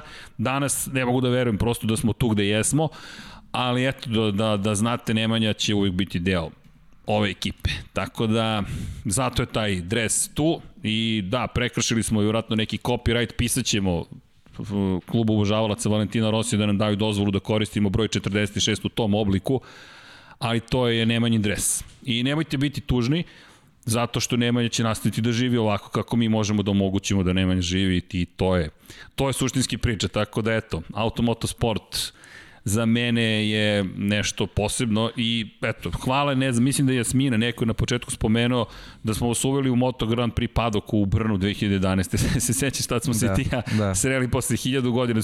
Sud bonus na to Brnu 2011. Namerno skrećem s teme.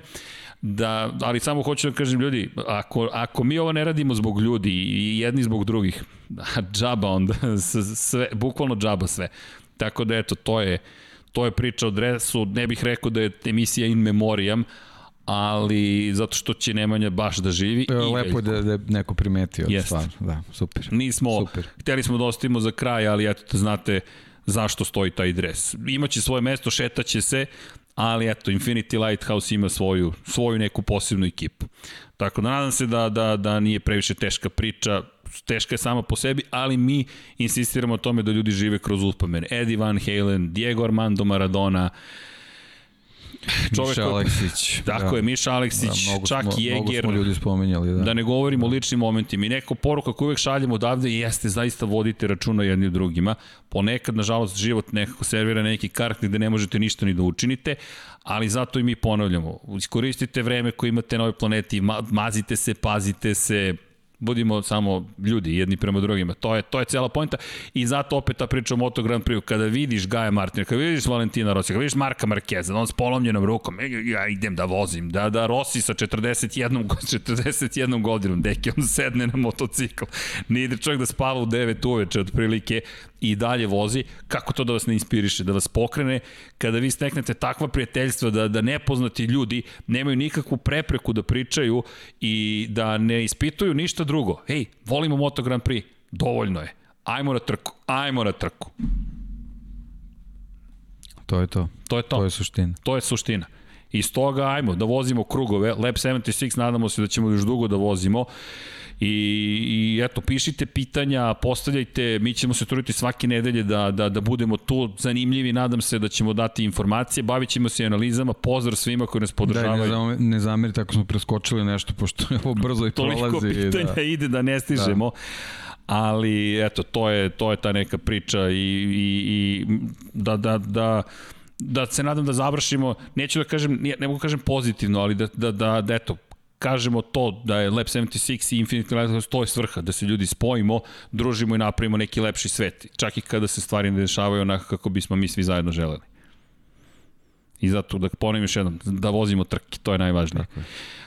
Nadam se da ste uživali, mi uvek uživamo, ponekad i previše, pa zaglavimo po 3, 4, 5 sati, ali evo, vodit ćemo računa da, da i tokom zime budemo tu. I ponavljam, pišite u komentarima šta god da vas zanima, lab76 at infinitylighthouse.com je email adresa, trudimo se da odgovorimo, sve nas je više, sve više ljudi koji nam pomažu i zaista... Biće više gostiju. Zahvalnost. Sad je ovaj pauza, sad, sad imamo priliku da, da gledam, razne teme. Da. Gledam te, da. gledam te, ti imaš, ti, ti imaš ozbiljan uticaj da. po tom pitanju. Ljudi, još jednom, malo se duže opraštamo, ali to je tako. Nadam se da ste uživali. Lab 76 broj 57, 58-ica, ha, opet, verovatno će biti malo teža, ali to je deo našeg sporta i naših života i ostanite nam dobri, zdravi, pravi, pratite se međusobno i, i vidimo se i čujemo se vrlo brzo. Veliki pozdrav me cijele ekipe. Ćao!